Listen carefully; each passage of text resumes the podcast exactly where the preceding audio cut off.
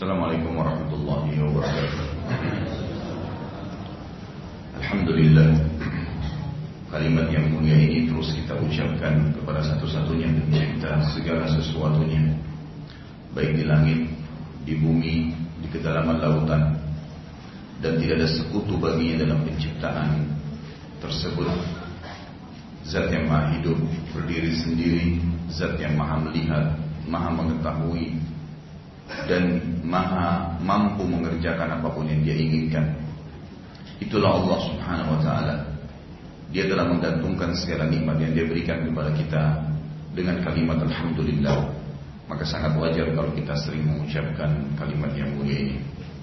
Juga kita banyakkan salawat dan taslim senantiasa kepada satu-satunya guru, kiai, suri tauladan kita Nabi Muhammad sallallahu alaihi wasallam. Sebagaimana Allah dan malaikat yang memberikan salam kepada beliau dan juga sebagai balas jasa dari perjuangan 23 tahun di masa hidup beliau 13 tahun fase Mekah semuanya dengan hinaan, cacian dan puncaknya diusir dari kampung halaman Mekah. Dan kita tahu bagaimana pedihnya bila seseorang diusir dari kampung halamannya. Dan juga 10 tahun fase Madinah semuanya dengan dakwah dan jihad akhirnya Allah menurunkan firman-Nya dalam surah Al-Maidah ayat 3 Al-yawma akmaltu lakum dinakum wa atmamtu 'alaikum ni'mati wa raditu lakumul Islam madinah Hari ini aku sempurnakan agama kalian Aku sempurnakan juga nikmatku pada kalian Aku ridho Islam sebagai agama kalian Maka sangat wajar kalau kita membacakan salawat dan taslim senantiasa kepada pemimpin kita yang mulia ini Nabi Muhammad SAW. Bapak Ibu sekalian, melanjutkan tema Sirah Nabawiyah dan terakhir kita membahas perang Ahzab.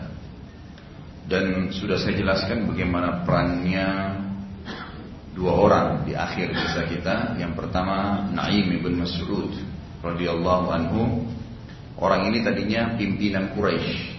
Salah satu pimpinan Quraisy dan orang yang dipercaya oleh Quraisy yang dengan hikmah Allah Subhanahu wa taala masuk Islam pada saat puncak-puncaknya peperangan dan pengepungan yang sangat ketat akhirnya dia masuk Islam. Dan bagaimana setelah dia masuk Islam kemudian dialah yang telah mengacaukan barisan Ahzab. Satu orang ini dari orang kafir begitulah kalau cara Allah Subhanahu wa taala mau memberikan kemenangan kepada pasukan-pasukannya. Allah Subhanahu wa taala tidak membuat adanya peperangan tetapi membuat satu orang ini Naim bin Mas'ud masuk Islam lalu dia berkata ya Rasulullah perintahkan saya. Apa pun yang anda perintahkan saya akan lakukan. Kata Nabi SAW kamu satu orang apa yang kamu bisa lakukan? Lalu kata Naim apa saja ya Rasulullah? Kata Nabi SAW kalau kau bisa memporak-porandakan mereka maka lakukanlah.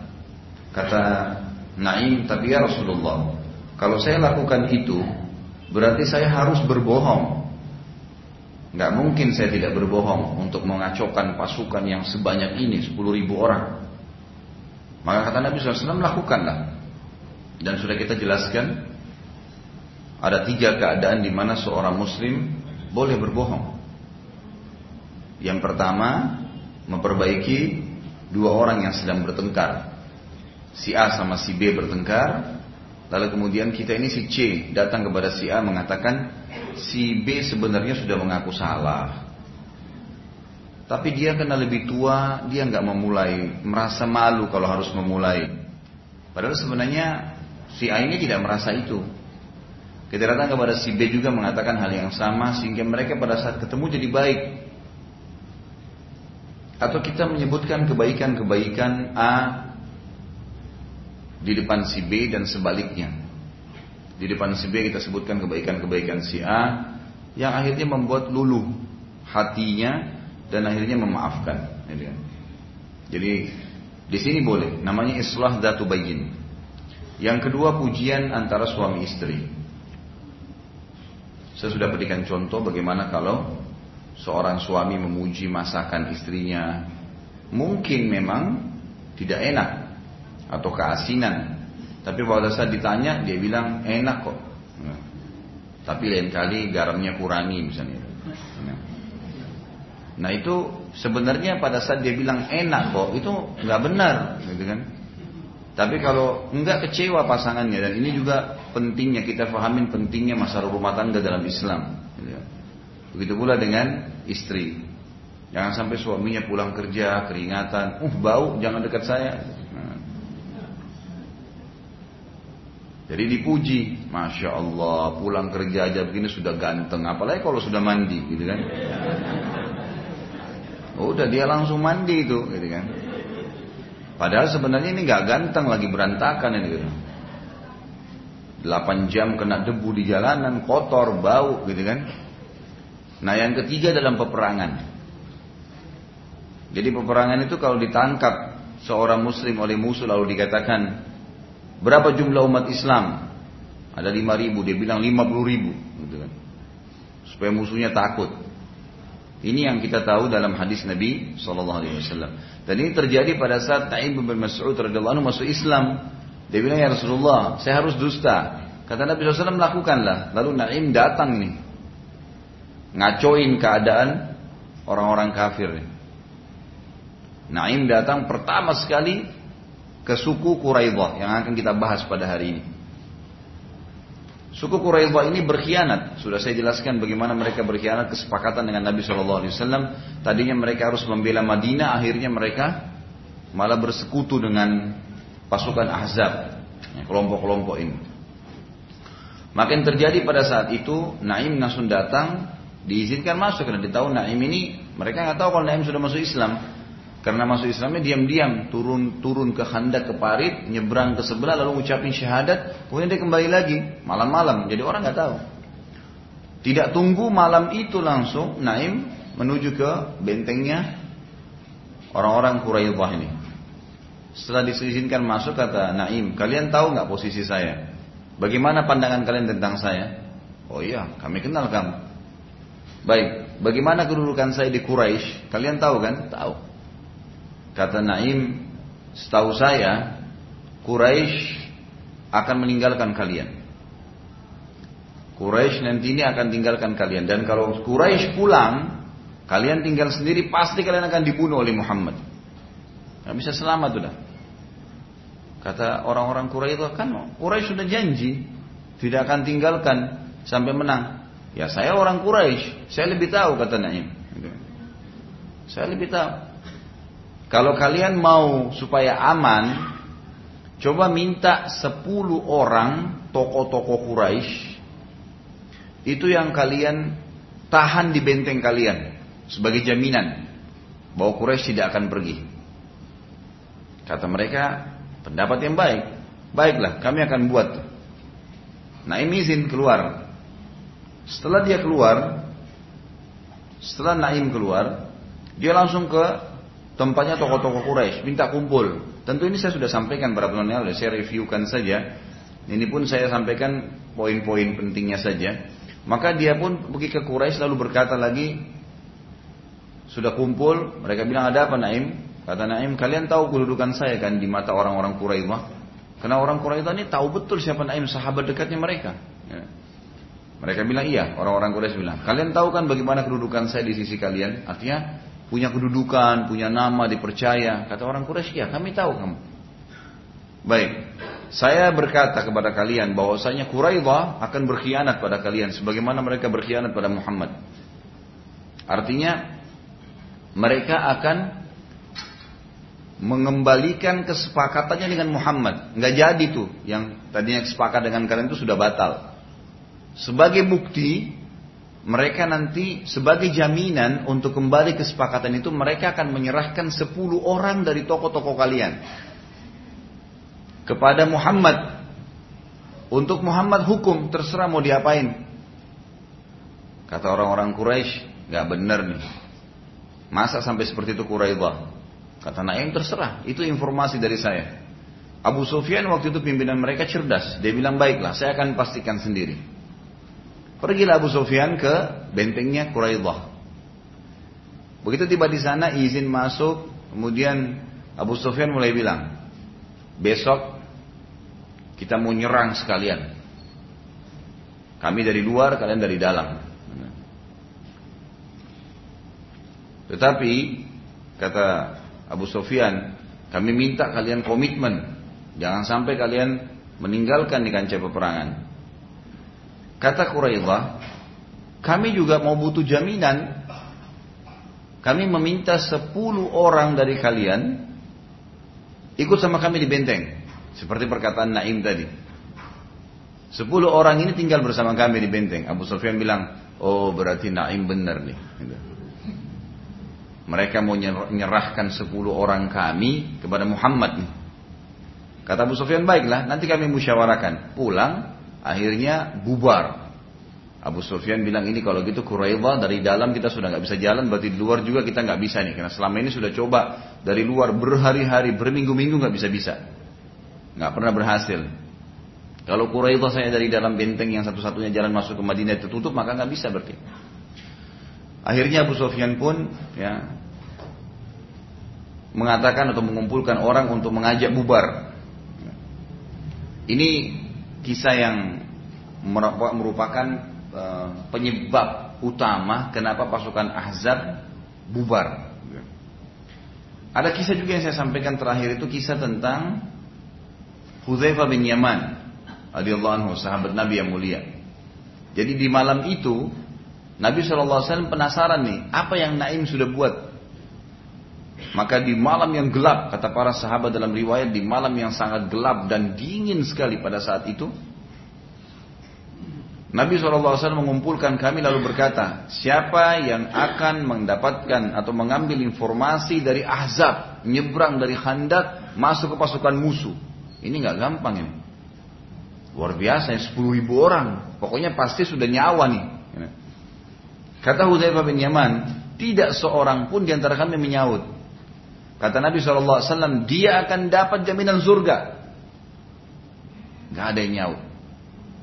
Kata Nabi SAW kedua kali, ini malam hari, kan. Ini sebagian ahli sejarah mengatakan di pertengahan malam ini sekitar sudah jam 11, jam 12 malam kalau kita sekarang sudah gelap sekali dan udara lagi sangat dingin, luar biasa dinginnya pada saat itu. Dan memang kalau teman-teman yang pernah dapatkan musim dingin di Madinah itu kalau pas puncaknya dingin sekali memang. Luar biasa. Kami waktu masih di sana itu dingin sekali. Kalau mau tidur di kampus itu kadang-kadang selimutnya didudukin dulu. Biar hangat baru dipakai. Kalau enggak kayak nusuk-nusuk di badan. Dingin sekali. Kata Huzaifah nggak ada yang nyaut. Nabi SAW ulangi lagi. Siapa yang pergi ke Ahzab. Ngambilin informasi untuk saya. Dan dapat jaminan surga. Nggak ada yang nyaut. Dua kali nggak ada mau. Dapat jaminan surga nggak ada yang mau. Subhanallah ini juga berarti sahabat manusia biasa. Itu kan?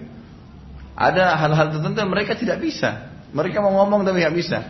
Nabi ulangi tiga kali. Siapa yang mendatangkan informasi dari Ahzab?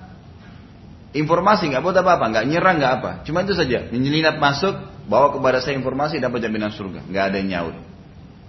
Kata Hudzaifah bin Yaman, Nabi SAW pun meninggalkan sahabat jalan dan gelap. Tiba-tiba kesentuh dengan kaki saya. Hudzaifah. Kata Nabi SAW, siapa ini? Gitu kan. Kata Huzaifah, Huzaifah ya Rasulullah. Huzaifah itu sudah ketakutan nih. Kata Nabi SAW, berdiri Huzaifah. Kamu yang pergi ambil informasi. Kata Huzaifah ini jadi masalah buat Tapi akhirnya Huzaifah bilang, waktu itu saya sangat kedinginan. Dan saya tidak punya apa-apa kecuali selembar baju di atas. Dan kaki saya kelihatan. Itu pun saya pakai selimut kecil punya istri saya dari rumah. Pakai bungkus karena dinginnya luar biasa. Dia bilang akhirnya saya berdiri dan saya niat memang ingin menyeberang. Begitu dia bilang saya berdiri, tiba-tiba saya seperti di sebuah tempat yang panas, hangat. Tubuh saya jadi hangat, nggak ada dingin sama sekali.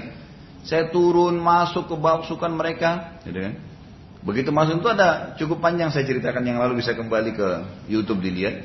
Tapi yang jelas pada saat Huzaifah bilang saya masuk berbaur, saya lihat ada sebuah api unggun yang besar. Di sana ada Abu Sufyan, rupanya lagi hangatin tangannya di api karena dingin sekali. Kata Naim, Nabi SAW pesan pada dia, ingat eh, ke, ke, kepada Huzaifah, Hai Huzaifah ingat, kau hanya menyeberang, hanya ambil informasi, jangan lakukan apa pun. Jangan nyerang, jangan bunuh, jangan apa-apa. Pokoknya jangan ambil apa pun, cuma datang dengarin pulang. Huzaifah bilang, saya waktu lihat Abu Sufyan, tiba-tiba tanpa saya sadar, saya sudah mengangkat anak panah saya dan saya sudah tarik dengan dibusurnya. Ini tinggal saya lepas Abu Sufyan mati. Nggak ada orang pada saat itu. Lalu utusannya Abu Sufyan teriak-teriak, ya. Dipanggil berkumpul, kampil berkumpul, orang-orang Quraisy dipanggil semua, kumpullah mereka. Kata Abu Sufyan untuk mereka semua kumpul, hati-hati, ada informasi penting yang mau sampaikan saya sampaikan malam ini. Pastikan siapa pun orang di sebelah kalian golongan kita. Kata Huzaifah ini, saya pasti sudah di, di, salah nih, gitu kan. Karena semua orang saling kenal, gitu kan. Tapi karena gelap, maka setiap orang nyebutin, saya fulan. Kamu siapa? Sebelahnya bilang, saya fulan, gitu. Kata Huzaifah, tiba-tiba saja di sebelah kiri kanan saya ada orang. Lalu saya bilang, sebelah kanan saya siapa? Gitu. Yang sebelah kanan bilang, saya fulan. Langsung dia bilang, sebelah kiri saya siapa? dia katakan si fulan. Maka dia bilang, Alhamdulillah saya nggak ditanya. Gak ditanya gitu. Karena dia segera bertanya gitu kan. Udah. Akhirnya dengarlah berita dari Abu Sufyan kalau disuruh bubar. Begitu Abu Sufyan bilang sudah nggak ada lagi jalan, kita akan pulang malam ini. Segera kata Hudzaifah semua mengatakan ayo bubar bubar. Rupanya orang-orang Quraisy juga sudah jenuh, sudah berminggu-minggu, gitu kan? Tidak berhasil berhasil, akhirnya mereka juga sudah ketakutan. Bubar akhirnya malam itu. Ringkas cerita, bubarlah pasukan tersebut. Pada malam itu mereka membubar-bubarkan barang-barang mereka dan subhanallah pada saat Abu Sufyan bilang mau bubar, Allah Subhanahu wa taala datangkan angin yang sangat kuat pada malam itu membongkar semua kemah-kemah mereka, Memang hancur semua, kendi-kendi airnya hancur semua. Dan Udaibah mengatakan saya balik ke kemah Nabi Wasallam dalam kondisi tubuh saya masih hangat. Kemudian saya menemukan Nabi SAW lagi sholat. Saya pun duduk di dekat Nabi Wasallam dan Nabi mengetahui saya sudah datang. Selesai salam lalu Nabi mengatakan apa beritanya? Kata Hudayfa saya pun menyampaikan semua. Kata Nabi SAW Alhamdulillah kalau begitu. Kata Hudayfa, begitu saya sudah selesai menyampaikan informasi ke Nabi SAW, badan saya jadi dingin kembali. Menggigil, dinginnya luar biasa, hilang hangatnya tadi. Gitu kan. Menggigil luar biasa. Sampai Nabi SAW memberikan kepada saya selembar selimut dan saya pun akhirnya disuruh tidur. Saya tidur sepanjang malam, dia bilang saya tidak bangun kecuali sudah pagi. Di mana Nabi SAW datang dan menendang kaki saya sambil mengatakan bangunlah wahai tukang tidur. Gitu. Masa Hudzaifah pun mengatakan saya bangun, kemudian saya ikut sholat ini maksudnya di subuh ya. Kemudian sholat subuh, setelah itu mulai terbit matahari dia bilang saya lihat semuanya sudah tenang, udah nggak ada terbongkar, nggak ada lagi azab, sudah pergi semua, udah bubar, gitu kan. Ini kita bayangkan pada saat itu bagaimana kalau eh, bagaimana kalau kayak kota Bekasi ya, Jakarta, ini dikepung oleh musuh dan musuh depan mata ini, tinggal nyebrang saja dan itu jumlahnya banyak 10 ribu orang. Sudah mengepung berminggu-minggu. Tapi akhirnya diberikan kemenangan oleh Allah subhanahu wa ta'ala. Baik, pagi ini insya Allah semoga Allah berkait ke depan kita akan bahas tentang suku Quraidah, Bani Quraidah. Saya pernah jelaskan Bapak Ibu sekalian kalau masih ingat di Madinah itu ada tiga suku Yahudi. Ada Kainuqa. Dan sudah saya jelaskan juga bagaimana Nabi SAW mengeluarkan mereka dari Madinah karena mereka berkhianat. Mereka mempermalukan seorang sahabat dengan mencantolkan besi tajam di bajunya sehingga sobek auratnya. Dan akhirnya Nabi SAW menuntut pelaku itu ya, karena ada sahabat yang lewat melihat sahabat dipermalukan lalu dia bunuh si Yahudi yang mempermalukan. Lalu kemudian sahabat itu dikeroyokin oleh anak-anak muda Yahudi di pasar mereka. Nah karena mereka tidak mau menyerahkan siapa yang membunuh sahabat itu oleh Nabi SAW dikepung dan diusir dari Madinah. Keluarlah Bani Kainuka dari Madinah. Ada suku Nadir, suku Nadir ini pada saat Nabi SAW menuju ke pemukiman mereka, mereka berusaha untuk membunuh Nabi dengan niat mau melemparkan batu besar ke kepala Nabi SAW. Tapi Jibril datang menyampaikan, akhirnya karena mereka niat mau membunuh Nabi SAW, Nabi kepung dan Nabi keluarkan juga dari Madinah. Dan sudah saya jelaskan penyebab utama perang Ahzab yang kita jelaskan tadi justru karena dua suku ini Nazir dan Kainuka yang sudah dikeluarkan, mereka merasa sakit hati, maka mereka mengajak suku-suku Arab yang sudah saya jelaskan juga nama-nama sukunya pada saat itu ditarik semua dan dijadikan Quraisy sebagai pimpinan untuk memerangi Madinah. Tinggal satu suku lagi namanya Quraidah ada di Madinah. Suku Quraidah ini belum keluar punya benteng dan punya kesepakatan dengan Nabi SAW. Madinah dibela sama mereka dan mereka sudah ketakutan tidak mau dikeluarkan dari Madinah seperti dua dua suku temannya gitu kan Kainuqa dan Nadir ini. Maka Quraisy awalnya dalam kesepakatan tapi dengan berjalannya waktu kalau masih ingat dulu ada pimpinan orang-orang Yahudi dari Nadir dan dan dan Kainuqa yang datang kemudian menemui Ka'ab pimpinannya Quraisy ini untuk berkhianat. Awalnya ditolak tidak mau Quraisy berkhianat lama-lama akhirnya diberikan motivasi kata Huyai bin Akhtab ada pimpinan dari Nadir dan orang-orang Yahudi yang lain yang datang pada saat itu mengatakan kalian kenapa tidak mau berkhianat pada Muhammad? Saya sudah mendatangkan untuk kalian seluruh jazirah Arab. Ini semua kekuatan jazirah Arab ada sekarang depan mata kalian. Dengan kekuatan besar ya. kita akan hancurkan Madinah. Untuk apa sepakat dengan Muhammad? Khianat aja. Udah nggak perlu. Maka pada saat itu Bani Quraisy berkhianat gitu kan akhirnya mereka merobek ya, kesepakatan dengan Nabi Shallallahu Alaihi Wasallam dan pada saat itu Nabi Shallallahu Alaihi Wasallam sempat mengirim dua orang sahabat yang terkenal Sa'ad bin Mu'ad dan Sa'ad bin Ubadah radhiyallahu anhu majma'in ini pimpinan Ansar gitu kan? Yang memang punya kerjasama punya kesepakatan juga secara pribadi secara uh, person itu kepada orang-orang Yahudi ini untuk bisnis ya. Mereka punya kerjasama. Pada saat saat Dua-dua saat ini datang saat bin dan saat bin Ubadah radhiyallahu anhu majma'in datang ke benteng Quraidah. Lalu saat ingin mengambil informasi ternyata tiba-tiba sudah terdengar gemuruh suara di dalam benteng mereka dan mereka berusaha untuk ya mencaci maki Nabi Shallallahu Alaihi Wasallam, mencaci maki Muslimin. Maka saat ibn Mu'ad ya, melihat saat ibn Ubadah, sahabatnya sempat mencaci maki, membalas cacian mereka gitu kan. Lalu kata Sa'ad bin Mu'ad, eh, Sabarlah wahai Sa'ad bin Ubadah. Sesungguhnya antara kita dengan mereka lebih hebat daripada lisan. Maksudnya kita akan perangin mereka nanti. Akan mereka akan mendapatkan pedang kita. Berkhianatlah mereka. Dan saya sudah jelaskan juga pada saat itu sudah sangat luar biasa keadaannya. Kalau kita bayangkan atau gambarkan meja ini adalah kota Madinah. Di dalam kota Madinah di zaman dulu tuh banyak benteng-benteng. Setiap suku itu punya benteng. Jadi benteng, tembok yang tinggi, di dalamnya itu ada kehidupan, ada peternakan, ada pertanian, ada sumur, ada kehidupan, rumah-rumah masyarakat. Jadi mereka tuh bisa sampai dua bulan, empat bulan, mungkin enam bulan tidak keluar pun bisa. Seperti satu kota sendiri, tapi kota di dalam kota. Seperti itulah, tapi tidak disebutkan kira-kira lebarnya. Semua benteng ada nih. Nah pada saat itu Quraisy punya benteng sendiri. Mereka punya peternakan, pertanian di dalam, mereka punya sumur banyak, hidup di dalam, gitu kan?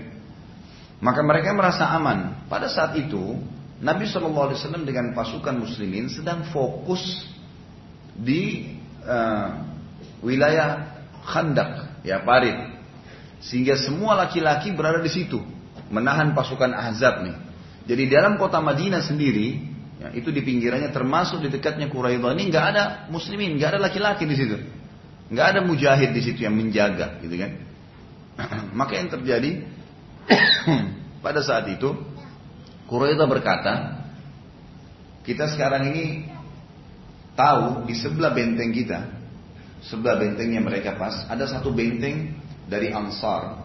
Dan Nabi SAW meletakkan di benteng itu semuanya perempuan dan laki-laki, laki-laki yang orang tua dan anak-anak. Di benteng itu semua ditaruh. Sehingga kalau Madinah diserang, mereka ada di satu benteng itu, mereka aman gitu. Pada saat itu mereka bilang, orang-orang Quraisy, kita yang kita lakukan pertama adalah nyerang perempuan-perempuan muslimin ini.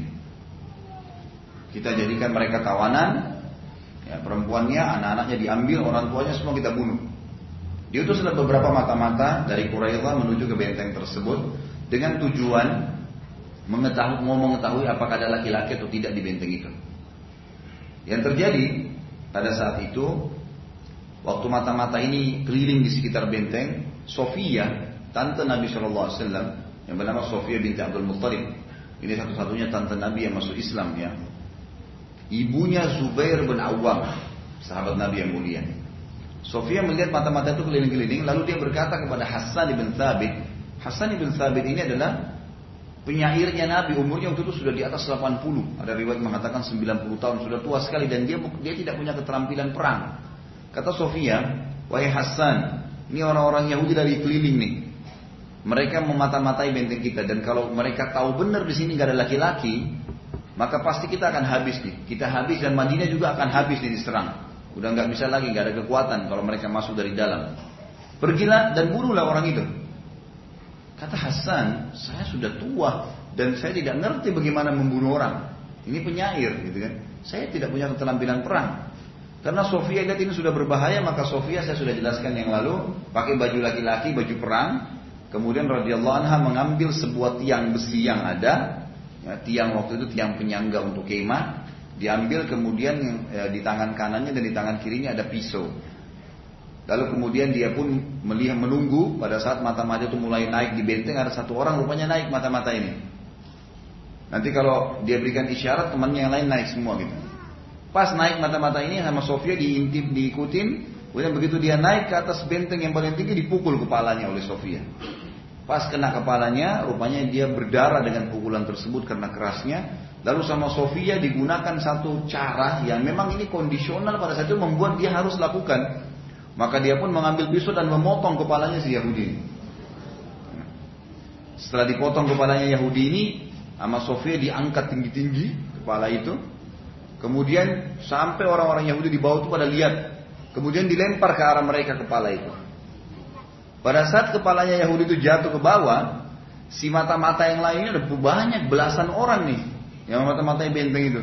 Mereka mengatakan, rupanya benteng ini penuh dengan laki-laki. Padahal nggak ada orang gitu. Nggak ada orang. Dan kata para ahli sejarah justru karena perilaku Sofia inilah yang membuat Madinah tidak jadi diserang dari dalam. Dan saya sudah pernah jelaskan juga ya, bagaimana ibu-ibu kalau memahami perannya, bahwasanya di tangan ibu-ibu kalau ibu punya keimanan yang kuat, ilmu agamanya yang dalam gitu kan, ke kekuatan kehubungannya dengan Allah bagus, maka di tangannya ibu itu lahir mujahid-mujahid yang besar. Di tangannya Sofia ini lahir Zubair bin Awam. Nanti kalau Bapak Ibu bisa lihat di YouTube ada ceramah saya Zubair bin Awam tablik akbar. Manusia yang luar biasa beraninya, luar biasa. Bukan cuma biasanya luar biasa, tidak ada mungkin manusia seperti Zubair luar biasa gitu. Jadi kalau pasukan musuh lagi berhadapan sama pasukan muslim ini pasukan muslim misalnya di tempat laki-laki nih, ibu-ibu di situ ini contoh saja, pasukan musuh di situ. Maka kalau sebelum berperang biasanya pasukan saling mengirim informasi, nunggu, kan itu. Nanti ada teriakan, baru mereka saling serang. Zubair ini begitu pasukan bertemu begini, paling pertama dilakukan dia datang ke depannya musuh. Sendirian. Menunjukkan keterampilannya, angkat pedangnya, lari dari sana ke sana, bolak-balik. Terus. Tunjukin keterampilannya supaya musuh ketakutan. Begitu dia dengar takbir di belakang, musuh teman-temannya masih jauh di belakang. Dia serang duluan sendirian.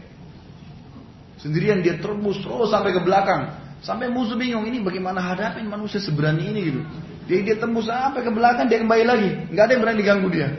Ada musuh semua ditebas kalau yang dekat. Sampai dia kembali lagi pasukan muslimin. Jadi orang takut gara-gara lihat dia gitu. Luar biasa itu lahir ya dan dikader oleh Sofia. Karena Sofia atau Zubair masih kecil nih, itu selalu dibawa jalan kalau tempat gelap malam-malam. Kalau Zubair nangis dipukul, nggak boleh kamu nangis, kamu harus berani. Dimarahin sama orang-orang, kenapa kamu gitu, nah, kenapa kamu kesian? Dia bilang, saya mau dia harus jadi pemberani.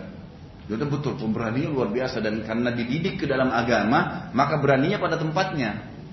Dia bukan jadi gara-gara sembarangan, tapi di kancah peperangan, itu luar biasa. Membuat musuh ketakutan. Dan sudah kita jelaskan kan, bagaimana ada satu orang Yahudi, eh, satu orang eh, Quraisy, kalau saya tidak salah namanya Noval ya, yang sempat menyeberangi apa namanya Eh, hendak kemudian dibelah dua oleh Zubair ini, gitu kan. Luar biasa perilakunya. Tentu di sini, Bapak Ibu sekalian, saya ingin tekankan satu poin. Karena pertemuan kita cukup jauh ya, sebulan sekali. Maka mungkin eh, suasana itu untuk memba, eh, mengingat, mengingatkan lagi bahasan kita perlu. Kita sedang membahas masalah peperangan. Jadi makanya eh, kita harus terbawa dengan arus itu memang. Gitu. Kita menjiwainya. Saya punya metode dalam menyampaikan, saya menjiwai apa yang sedang saya sampaikan. Jadi sekarang bukan bukan kita bahas tentang masalah perdamaian, bukan masalah transaksi bab fikih, bukan ini memang masalah jihad, ini lagi peperangan. Jadi Bapak Ibu harus bisa paham kalau kita sedang menjelaskan masalah ada musuh lagi dibunuh, memang ini peperangan. Sehingga jangan sampai kita anggap oh ternyata oh, Islam itu keras ya, bukan keras ini. Ini permasalahannya memang lagi di kancah peperangan, gitu kan? Emang nggak bisa. Apalagi kita akan bahas hari ini insya Allah Quraidah ini berkhianat pada saat itu berbahaya sekali. Berbahaya luar biasa. Dan mereka begitu buka bentengnya untuk Quraisy, 10 ribu pasukan masuk habis Madinah udah. Udah habis, sudah kalah kaum muslimin. Tapi dengan izin Allah Subhanahu wa taala, Allah punya cara sendiri untuk memberikan kemenangan. Nah, salah satunya tadi seperti perilaku Sofia itu. Gara-gara satu mata-mata mereka satu orang dibunuh pada saat itu di benteng Quraisy ada 700 orang personil pasukan perang, kesatria yang siap perang. Dengan senjatanya ahli perang ya. Ini bukan orang yang dipanggil-panggil kumpul, enggak, memang ini militer. Tentaranya, Kopassus, 700 orang siap perang, ahli panah, ahli nombak, ahli menunggangi kuda, luar biasa lah pokoknya. Salah satunya mati terbunuh tuh oleh Sofia. Dan dia tidak sangka kalau Sofia akan lakukan perbuatan itu dan hikmah Allah juga mati. Jadi perilaku Sofia ini cuma satu-satunya dalam kisah membunuh pada saat itu. Beliau tidak pernah membunuh sebelumnya. Tapi situasi dan kondisi memaksa. Kalau tidak lakukan maka tidak bisa, gitu kan? Maka terjadilah perbuatan tadi akhirnya sampai orang-orang Yahudi kembali mereka mengatakan berbahaya nih. Kalau kita menyerang berarti di benteng ini penuh laki-laki. Muhammad sudah mempersiapkan orang-orang pasti mereka akan menyerang balik dan kalau kita kalah, berarti kita akan menjadi korban pertama dari pasukan Ahzab. Karena kita di dalam Madinah, gitu ya. Gara-gara perilaku Sofia satu orang terbunuh, nggak jadi mereka nyerang, subhanallah. Dan mereka tidak berani membuka benteng mereka untuk Quraisy, nggak berani. Ini kalau mereka buka untuk Quraisy, kemudian ditahu oleh muslim muslimin menyerang, maka mereka yang paling pertama kena, gitu kan. Sementara di benteng itu ada istri-istri mereka, ada perempuan, ada anak-anak, ada usaha-usaha mereka. Jadi akhirnya subhanallah gara-gara perilaku satu orang ini berhenti nggak jadi nyerang, nggak jadi buka bentengnya untuk orang-orang Quraisy. Dan ini satu hikmah yang sangat besar sekali. Baik, kita masuk sekarang setelah pasukan Ahzab bubar, kan? sudah mulai bubar semuanya. Maka Allah Subhanahu wa taala menceritakan dalam surah Al-Ahzab surah nomor 33 ayat 25 tentang masalah pembubaran mereka itu, gitu kan? Terbubarkan mereka.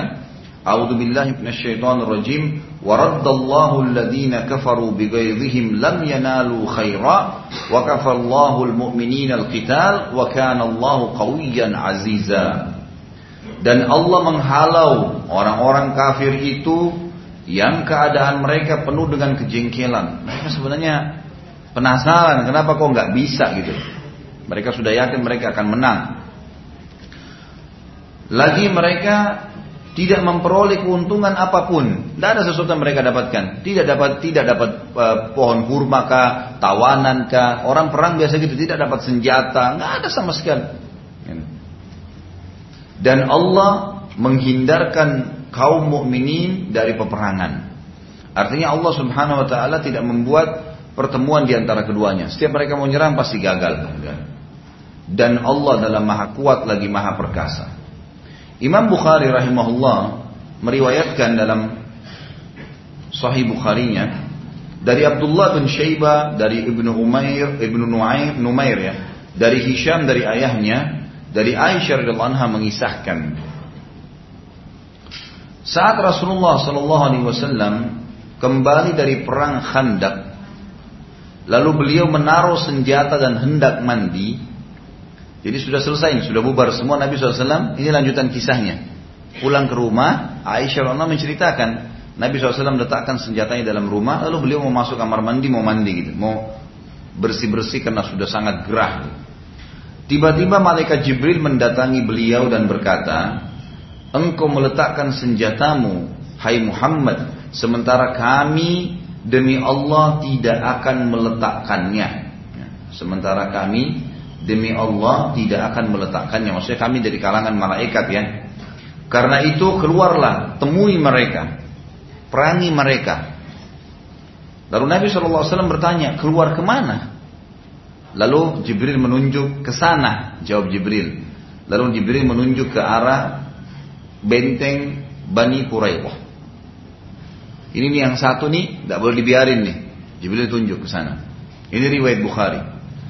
Dalam riwayat Bukhari yang lain juga disebutkan dari Musa, dari Jarir ibn eh, Hashim, dari Humaid bin Hilal, dari Anas bin Malik radhiyallahu anhu yang mengungkapkan seakan-akan saya melihat debu mengepul di lorong Bani Ghanam.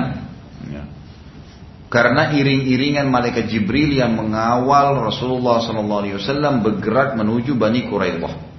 Ini dua buah riwayat Imam Bukhari yang menjelaskan kepada kita bagaimana proses yang terjadi pada saat itu ya, di pagi itu. Kurang lebihlah sudah siang ya, pada saat itu kejadiannya habis sholat duhur.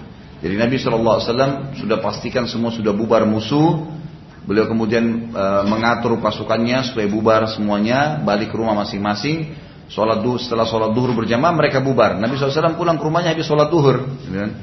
Baru letakin senjata, baru buka baju perangnya ingin mandi, tiba-tiba kedatangan Jibril AS dan mengingatkan kepada beliau kalau kami tidak meletakkan senjata kami para malaikat sampai datang ke sana, maka perangilah mereka. Kata Nabi SAW, di mana itu di sana? Maka dia memberikan isyarat Jibril AS ke suku Huraidah. Ini pemukiman mereka yang tadi berkhianat. Ini harus dihukum.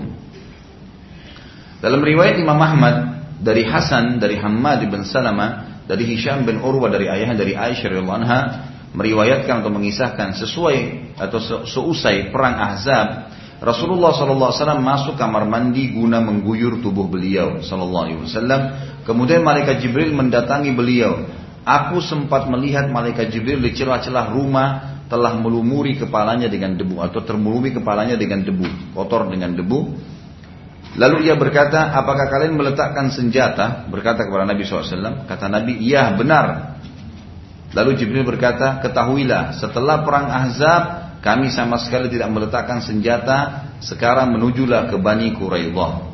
Dijelaskan oleh para ulama hadis ada riwayat yang lain menjelaskan kalau pada saat itu Jibril alaihissalam bukan dalam poster malaikat, tetapi datang dalam poster sahabat Nabi namanya Dihyal Kalbi. Dihyal Kalbi ini sering kali Jibril kalau mau menjadi menjadi manusia pasti menjadi dia gitu. Dihyal Kalbi ini orangnya sangat gagah, orangnya sangat soleh, orangnya pemberani, luar biasa gitu kan. Maka kalau Jibril mau menjadi menjadi manusia jadi dia gitu. Jadi ada riwayat atau asar yang menyebutkan bahwasanya yang dilihat oleh Aisyah adalah dihyal kalbi. Gitu kan. Terbukti ada riwayat nanti kita jelaskan. Bukhari dan Muslim juga meriwayatkan dari Abdullah bin Muhammad bin Asma, dari Juwairiyah binti Asma, dari Nafi', dari Ibnu Umar radhiyallahu anhu bahwa Rasulullah sallallahu alaihi wasallam e, bersabda di dalam perang Ahzab, janganlah seseorang dari kalian sholat asar kecuali setelah tiba di Bani Quraidah.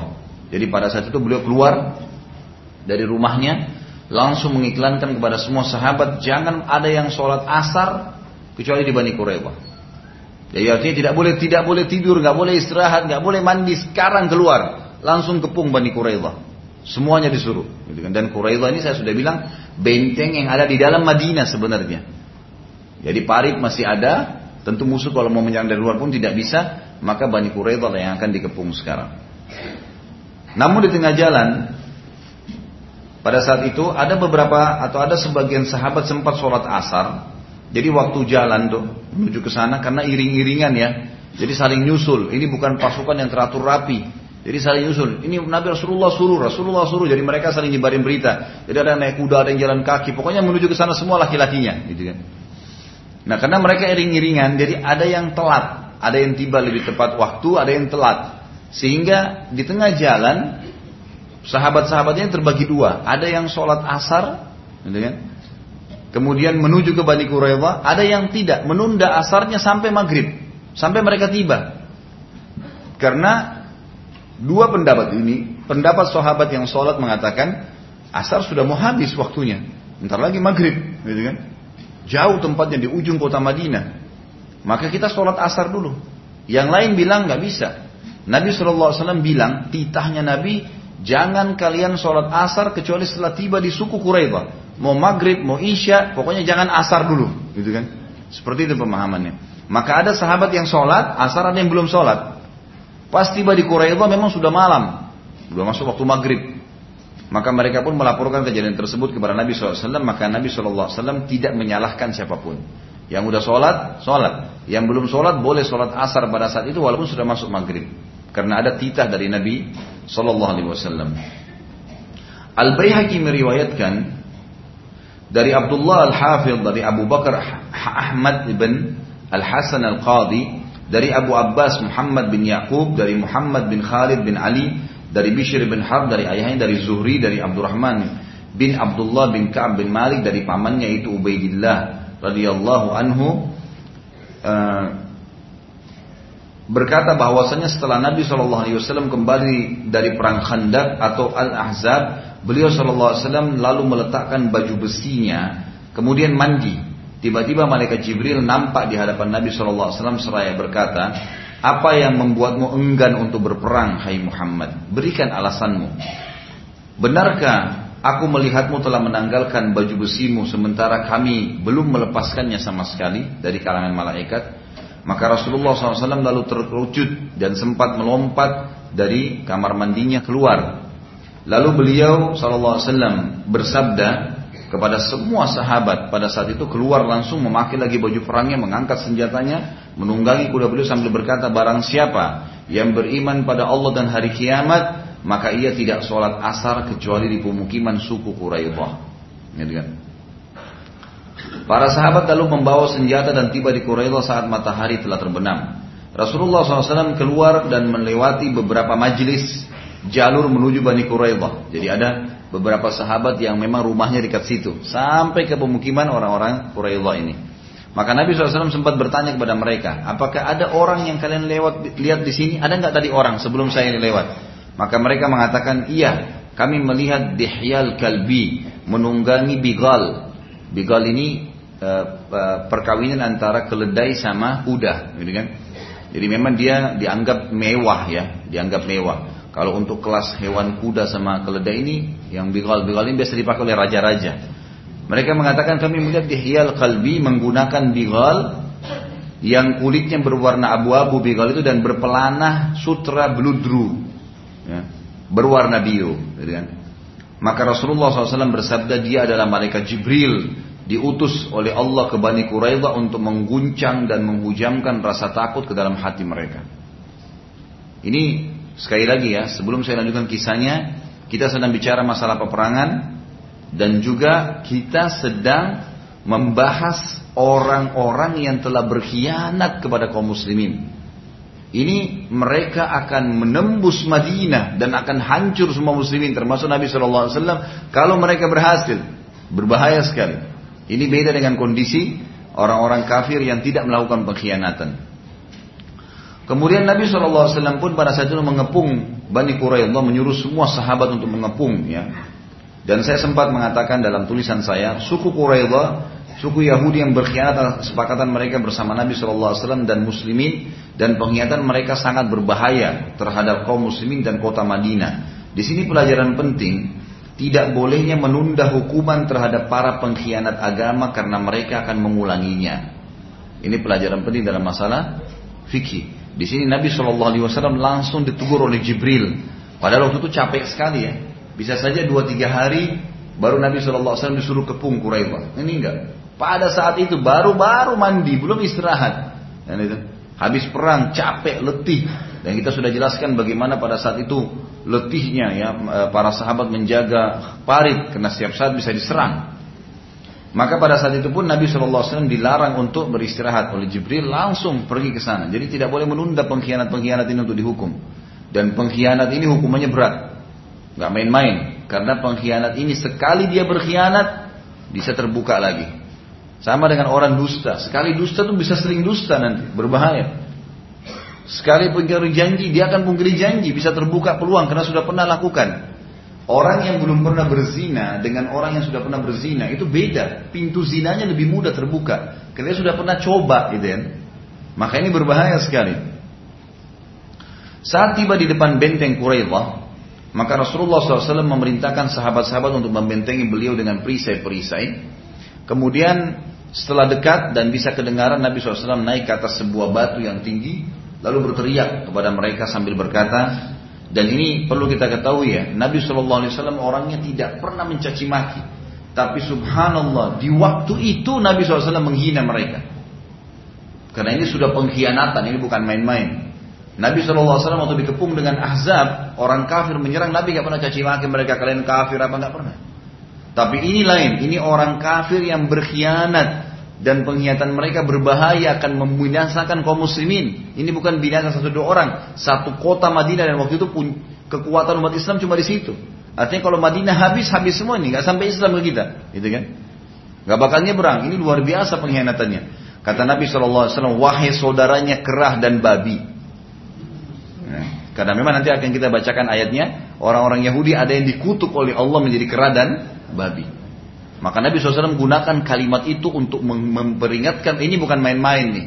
Perbuatan kalian bukan main-main. Bayangkan kalau tadi Sofia nggak berhasil membunuh satu orang mata-mata mereka, habis tuh semua muslimat, gitu kan? Luar biasa dan mereka sudah lihat memang itu serang benteng itu tentu pasukan muslimin yang sedang ada di parit nggak bisa melawan susah jauh jaraknya kan mereka akan ambil ini sementara ini benteng mereka itu benteng muslimat di sana ini akan habis nih kata Nabi SAW wahai saudaranya kerah dan babi telah datang dari Allah Azza wa Jal penghinaan dan kehancuran kalian. Sebabnya kenapa Nabi SAW mengatakan mereka saudara kera dan babi itu ada firman Allah yang berbunyi dalam surah Al-Ma'idah surah nomor 5 ayat 60. Jadi ayat ini sebenarnya menceritakan tentang ada namanya negeri Ilah. Saya pernah ceritakan dulu, tapi saya lupa di episode keberapa ya. Tapi yang jelas ada sebuah negeri namanya negeri Ilah. Negeri Ilah ini negeri yang ada di seberangnya Saudi sekarang. Tepatnya masuk negeri Syam, masuk di Palestina. Ya. Dulu di situ ada sekelompok pengikut Nabi Musa alaihissalam yang punya hukum Allah berikan hukum pada saat itu mereka nggak boleh mancing hari Sabtu, gitu ya. yang dikenal dengan Ashabus Sabt. Pokoknya hari Sabtu nggak boleh perang, nggak boleh apa-apa, nggak boleh apa. Pokoknya hari itu cuma tinggal diam ibadah saja, duduk di tempat-tempat ibadah mereka. Itu hukumnya pada saat itu. Nah pada hari Sabtu pun keluar sebuah hukum mereka tidak boleh memancing. Padahal penduduk negeri Ilah ini tinggal di pinggir laut. Dan itu profesi mereka, itu pekerjaan utama mereka. Mereka memancing, nelayan. Subhanallah, Allah turunkan hukum mereka nggak boleh mancing hari Sabtu, gitu kan? Mereka buat siasat, Bapak Ibu sekalian. Orang Yahudi mau tipu Allah nih. Gitu. Ini bukan cuma tipu manusia, jadi jangan heran kalau ada Yahudi nipu manusia. Allah mau berusaha ditipu, bagaimana? Dilarang mancing hari Sabtu, mereka nggak mancing hari Sabtu, mereka pasang jala malam Sabtu. Jadi jala-jala dipasang semua malam Sabtu, mereka ambil hasilnya ikan yang tertahan hari Ahad. Mereka bilang kami nggak mancing hari Sabtu, ikannya masuk sendiri, gitu. Sama aja. Tapi mereka buat begitu, mereka mau berusaha menipu Allah SWT. Akhirnya Allah datangkan kepada mereka cobaan yang berat. Di hari Sabtu, itu subhanallah di pinggir laut ikan-ikannya pada datang loncat-loncat makin memut, makin memancing mereka gitu. Kalau bukan hari Sabtu ikannya nggak ada, mereka harus naik kapal ke sana, keluar. Diuji oleh Allah swt. Ternyata mereka tidak lepas dari situ, tetap mereka lakukan itu. Hanya hari Sabtu mereka berusaha untuk mencuri itu. Mereka mengambil ikan-ikan. Padahal ini hukum Allah pada saat itu ya. Ini bukan masalah kasus mancing ikannya, tapi kasusnya perintah. Kan itu. Perintah dan larangan. Seperti kita sujud menghadap Ka'bah. Bukan karena Ka'bahnya. Karena perintahnya. Karena hubungan dengan Ka'bah. Ka'bah kalau rusak akan direnovasi. Diperbaikin. Berapa kali direnovasi gitu kan. Di sini kasusnya mereka pada saat itu hukumnya tidak boleh mancing hari Sabtu. Itu intinya. Ternyata mereka melanggar. Mereka melanggar. Nah pada saat itu di negeri Ilah sendiri itu ada tiga golongan. golongan pertama adalah golongan yang beriman dan mereka memungkiri itu. Mereka mengatakan ini nggak boleh, haram, Allah larang, Allah akan hukum kalian. Nggak mau dengar. Ada golongan kedua beriman juga, tapi mereka bilang, udahlah. Jadi ada golongan A, B, C ya. Golongan A ingkar mungkar nih. Ada golongan B, mereka beriman juga, tapi mereka bukan mengingkari si C, tapi mereka datang kepada golongan A bilang nggak usah lah, biarin aja. Nanti Allah akan masukkan neraka kok mereka nggak usah diingatin. Ternyata ini nggak boleh bapak ibu sekalian. Ini nggak boleh jadi golongan kedua. Jadi kalau kita mau sholat ada orang ah nggak usah diingatin, nggak usah. Biarin aja nanti dia masuk neraka sendiri. Itu nggak boleh tuh. Harus tetap kita luruskan kesalahannya. Sebagaimana hukum syari tidak boleh kalau orang utang bapak ibu nggak tagih nggak boleh. Dia mungkar tuh. Tagih dulu sekali kalau dia tidak bayar, nah ini kita panen pahalanya, gitu kan? Ada golongan C, ini yang kafir yang sengaja mancing dan ini mayoritas. Maka waktu Allah SWT datangkan hukumannya, Allah kutuk mereka menjadi kera dan babi. Yang dikutuk ini, yang kena kutukan yang golongan C sama B. B ini kena juga. Karena B ini bukannya ngingatin si C, tapi malah menahan si A untuk ingkar. Gitu ya. Nah si A ini Allah selamatin, kelompok A ini Allah selamatin. Tapi dua kelompok ini mayoritas Allah kutuk mereka jadi kera dan babi. Kemudian setelah tiga hari Allah binasakan mereka Dihukum. Karena mereka melanggar itu. Allah menceritakan dalam Al-Quran. Tadi saya bilang surah Al-Ma'idah. Ayat 60. A'udzubillahi minasyaitonir rajim. Kul hal unabbi'ukum bisyarrin min dzalika mathubatan 'inda Allah. من لعنه الله وغضب عليه وجعل منهم الكرة والخنازير وعبد الطاغوت أولئك شر مكانا وأضل عن سواء السبيل Katakanlah hai Muhammad, apakah akan aku beritakan kepadamu tentang orang-orang yang lebih buruk pembalasannya daripada orang-orang yang fasik? Itu di sisi Allah. Ada orang yang lebih buruk daripada orang yang berbuat maksiat dari kaum muslimin. Ada orang muslimin yang buat dosa, tapi ada yang lebih buruk daripada mereka. Siapa itu? Yaitu orang-orang yang dikutuki dan dimurkahi Allah. Di antara mereka ada yang dijadikan kerah dan babi. Dan orang yang menyembah togut. Togut itu selain daripada Allah ya. Mereka itu lebih buruk tempatnya dan lebih tersesat dari jalan yang lurus, gitu ya. Ini tentu ayat ini tambahan saja untuk menjelaskan dari mana statement Nabi mengatakan saudara kerah dan babi. Karena ada ayat Al-Quran Allah ceritakan masalah itu. Ini turun bagi orang-orang Yahudi. Suku Quraidah pada saat itu Waktu mendengar perkataan Nabi SAW dan Nabi sudah katakan ini di kancah peperangan, pakai baju perang di depan benteng mereka. Sekarang terbalik, Nabi SAW yang mengepung mereka. Lalu mereka mengatakan, wahai Muhammad, kami tahu kamu adalah orang baik, kamu tidak akan berbuat jahat pada kami, maafinlah kami dan seterusnya lah. Tapi Nabi SAW tidak berbicara apa-apa. Sudah ada dibalas oleh Nabi SAW. Suku Quraidah ini sangat tahu akibat daripada pengkhianatan mereka. Pasti pengkhianatan ini nomor satu akan dibunuh. Karena berbahaya. Nomor dua mungkin dimaafkan tapi ada konsekuensi. Ada hukuman-hukuman yang akan datang kepada mereka. Maka mereka pun berusaha minta maaf dan mengakui kesalahan mereka, tapi Rasulullah SAW tidak menerimanya, kecuali mereka menyerah dan tunduk dengan hukum Nabi SAW. Di pada itu mereka kirim surat, mereka minta mohon maaf Hai Muhammad, izinkanlah kami dan dan seterusnya. Kami minta maaf, kami tidak akan mengulanginya dan seterusnya. Kata Nabi tidak bisa. Kecuali satu syarat. Kalian tunduk dengan hukumku. Artinya, kalian menyerah, keluar dari benteng semua, nanti terserah aku. Aku mau hukum apa terserah. Ditunggu hukuman dari Allah Subhanahu Wa Taala. Allah suruh bunuh ya dibunuh. Allah suruh bebasin ya bebasin gitu. Ternyata mereka nggak mau. Mereka menolak itu. Ya. Mereka menolak tunduk pada hukum Nabi Wasallam karena mereka sadar kalau mereka akan dihukum berat atas pengkhianatan mereka. Mereka lalu mengirim surat kepada Nabi SAW yang kedua kalinya, lalu mereka mengatakan, kirimlah untuk kami sekutu kami agar kami bisa bernegosiasi. Sekutu mereka ini dari muslimin, suku, suku muslim itu adalah suku Aus. Suku Aus ini memang sekutu mereka, jadi mereka sepakat antara suku Aus dengan suku Quraidah ini sepakat mereka punya kerjasama bisnis, mereka ada urusan-urusan uh, lah ya, masalah apa pun mereka saling bantu membantu mereka seperti menjalin hubungan itu.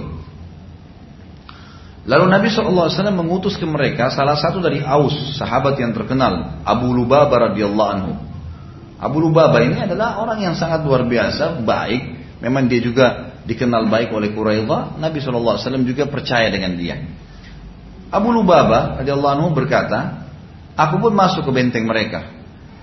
Lalu mereka bertanya kepadaku, wahai Abu Lubaba, kira-kira ya, kalau seandainya kami menyerah pada hukum Muhammad, Muhammad apakan kami? Abu Lubaba ini pada saat itu karena dalam situasi peperangan ya, habis dikepung selama sebulan lebih kan waktu itu pasukan Ahzab, kondisi kejiwaan pada saat itu Madinah sudah sangat siap berperang udah. Ini mati atau hidup. Dan Abu Lubaba ini dengan sahabat-sahabat yang lain tahu betul bahayanya pengkhianatan si Quraidah ini gitu kan. Maka kata Abu Lubaba, saya tidak sadar tiba-tiba tangan saya sudah mencekik kepala suku mereka. Ya. Tiba-tiba saya cekik, dan saya jatuhkan ke tanah lalu saya mengatakan tentulah kalian akan dibunuh gitu kan karena jengkelnya Abu Lubaba gitu melihat kejadian tersebut Abu Lubaba satu orang aja berani buat begitu kepala kepala suku mereka gitu kan mereka ketakutan mereka bilang kalau begitu kami tidak mau menyerah gitu kan kata Abu Lubaba astagfirullah kenapa saya membongkar rahasia Nabi Shallallahu Alaihi Wasallam padahal Nabi cuma suruh bernegosiasi kan tidak disuruh takut, tak, tidak suruh pukul dan segala. Tapi Abu Bakar saya nggak sadar memang. Tiba-tiba saya tangan saya sudah di lehernya cekik, saya sudah jengkel betul sama mereka gitu. Maka Abu Bakar bilang saya pun pulang. Kemudian saya melaporkan kepada Nabi Shallallahu Alaihi Wasallam sambil minta maaf mengatakan ya Rasulullah, aku benar-benar tidak sadar ya Rasulullah, tanganku sudah ada di lehernya dan aku mengatakan pastilah kalian akan dibunuh.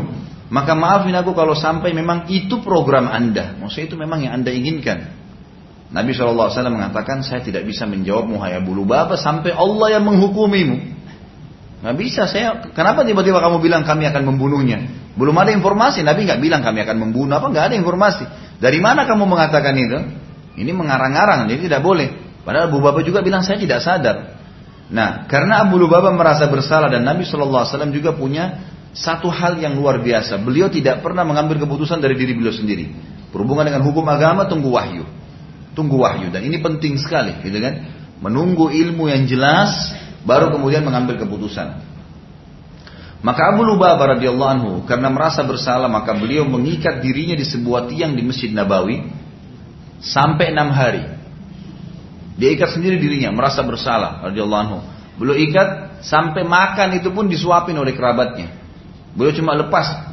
Nabi nggak suruh, Nabi nggak hukum sebenarnya, tapi dia sendiri lakukan. Dia bilang saya akan mengikat diri saya sampai Allah memaafkan saya. Maka dia pun melepas tangannya kalau untuk sholat aja. Selain itu dia panggil orang-orang sukunya suruh ikat tangannya, nggak boleh lepas. Dari pagi tidur di situ, tidur duduk dan enam hari. Sampai akhirnya Allah Subhanahu wa taala menurunkan firman-Nya. Memaafkan Abu Lubabah dan itu disebutkan dalam surah At-Taubah surah nomor 9 ayat 102 dan di sini luar biasanya ya, saya bilang mempelajari sirah ini itu salah satu manfaatnya mengetahui sebab nuzul ayat. Coba bayangkan Bapak Ibu sekalian kalau tadi Anda baca ayat Al-Maidah ayat 60 tuh, ngerti nggak artinya? Ya. Susah kalau nggak tahu ya. Tapi kita tahu ceritanya ada sebab nuzulnya itu. Kemudian juga di sini sama At-Taubah surah nomor 9 ayat 102. Kalau ini Bapak Ibu tidak tahu, tidak pelajari sirah, tidak tahu apa maksudnya Allah di sini. Tapi di sini kita tahu ternyata ayat ini turun kepada sahabat yang mulia Abu Lubaba setelah beliau mengikat dirinya enam hari di masjid karena merasa bersalah. Bunyinya a'udzubillahi minasyaitonirrajim wa akharuna i'tarafu bidhunubihim khalatu amalan salihan wa akhara sayyi'a. Khalatu amalan salihan wa akhara sayyi'an asallahu an yatuba alaihim innallaha ghafurur rahim. Dan ada pula orang-orang lain yang mengaku dosa-dosa mereka. Mengakui dosa-dosa mereka, mereka mencampurkan pekerjaan yang baik dan pekerjaan yang buruk. Di sini Abu Lubabah nih. Dia mencampur baur antara jihadnya dengan menyampaikan sesuatu instruksi kepada atau informasi kepada Yahudi yang belum ada. Nabi SAW belum ambil keputusan membunuh mereka gitu. Mudah-mudahan Allah menerima taubat mereka. Sesungguhnya Allah Maha Pengampun lagi Maha Penyayang. Maka ayat ini jelas turun untuk memaafkan Abu Lubabah radhiyallahu anhu. Sementara itu, di benteng Quraidah sendiri, ya, kepanikan dan ketakutan meliputi mereka dan kondisi di benteng mereka se semua serba ada sebenarnya. Cukup makanan, minuman, semuanya cukup, nggak ada kekurangan. Tapi subhanallah ketakutan masuk dalam diri mereka dan itu Allah subhanahu wa ta'ala yang tanamkan dalam hati mereka sebagaimana dari riwayat di Bukhari yang sudah saya jelaskan di awal. Kalau Allah subhanahu wa ta'ala mengirim Jibril untuk memasukkan rasa takut di dalam hati-hati mereka. Maka pada saat itu pimpinan mereka bernama Ka'ab ibn As'ad. Ini pimpinannya tadi yang sempat dicekik oleh Abu Lubabah nih.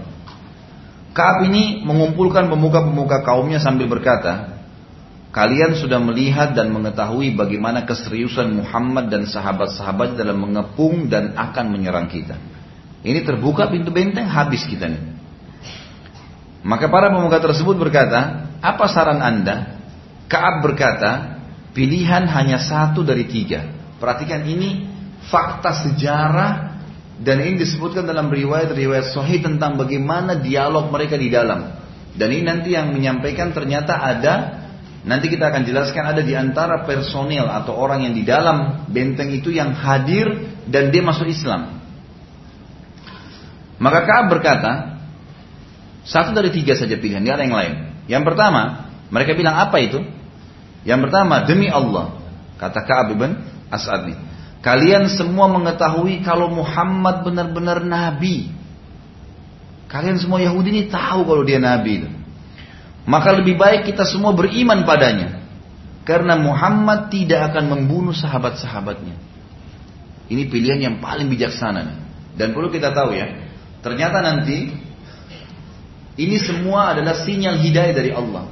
Sebelum terjadi nanti pembunuhan Bani Quraidah ini oleh Nabi SAW dan para sahabat ini, itu memang Allah masih memberikan kepada mereka sinyal. Artinya perkataan Kaab ini jelas. Kalau mereka pada situ kami masuk Islam, sudah selesai sebenarnya urusannya. Dan mereka dari sisi lain tahu kalau ini Nabi. Udah tahu ini benar. Artinya ini sinyal untuk mereka selamat dari pembunuhan nanti gitu kan. Tapi ternyata mereka nggak mau. Kata pemuka-pemuka Yahudi, jelas kami dulu dari dulu sudah menolak. Kenapa sekarang kami mau ikut? Apalagi yang kedua? Kata Kaab, yang kedua, kita membunuh semua wanita-wanita dan anak-anak kita, lalu kita menyerang dengan satu kali serangan, semua laki-laki pergi menyerang. Kalau kita menang, maka kita akan mengganti wanita-wanita dan anak-anak kita dengan wanita-wanita dan anak-anak mereka. Bila kita kalah, maka kita habis semuanya. Artinya anak-anak perempuan-perempuan kita tidak akan jadi harta rampasan mereka. Udahlah, kita sudah bunuh duluan, gitu kan? Kata mereka, tidak mungkin. Nah, bagaimana bisa kita melakukan itu? Ingat ya, sekali lagi, ini sedang berbicara masalah peperangan, terutama ibu-ibu nih.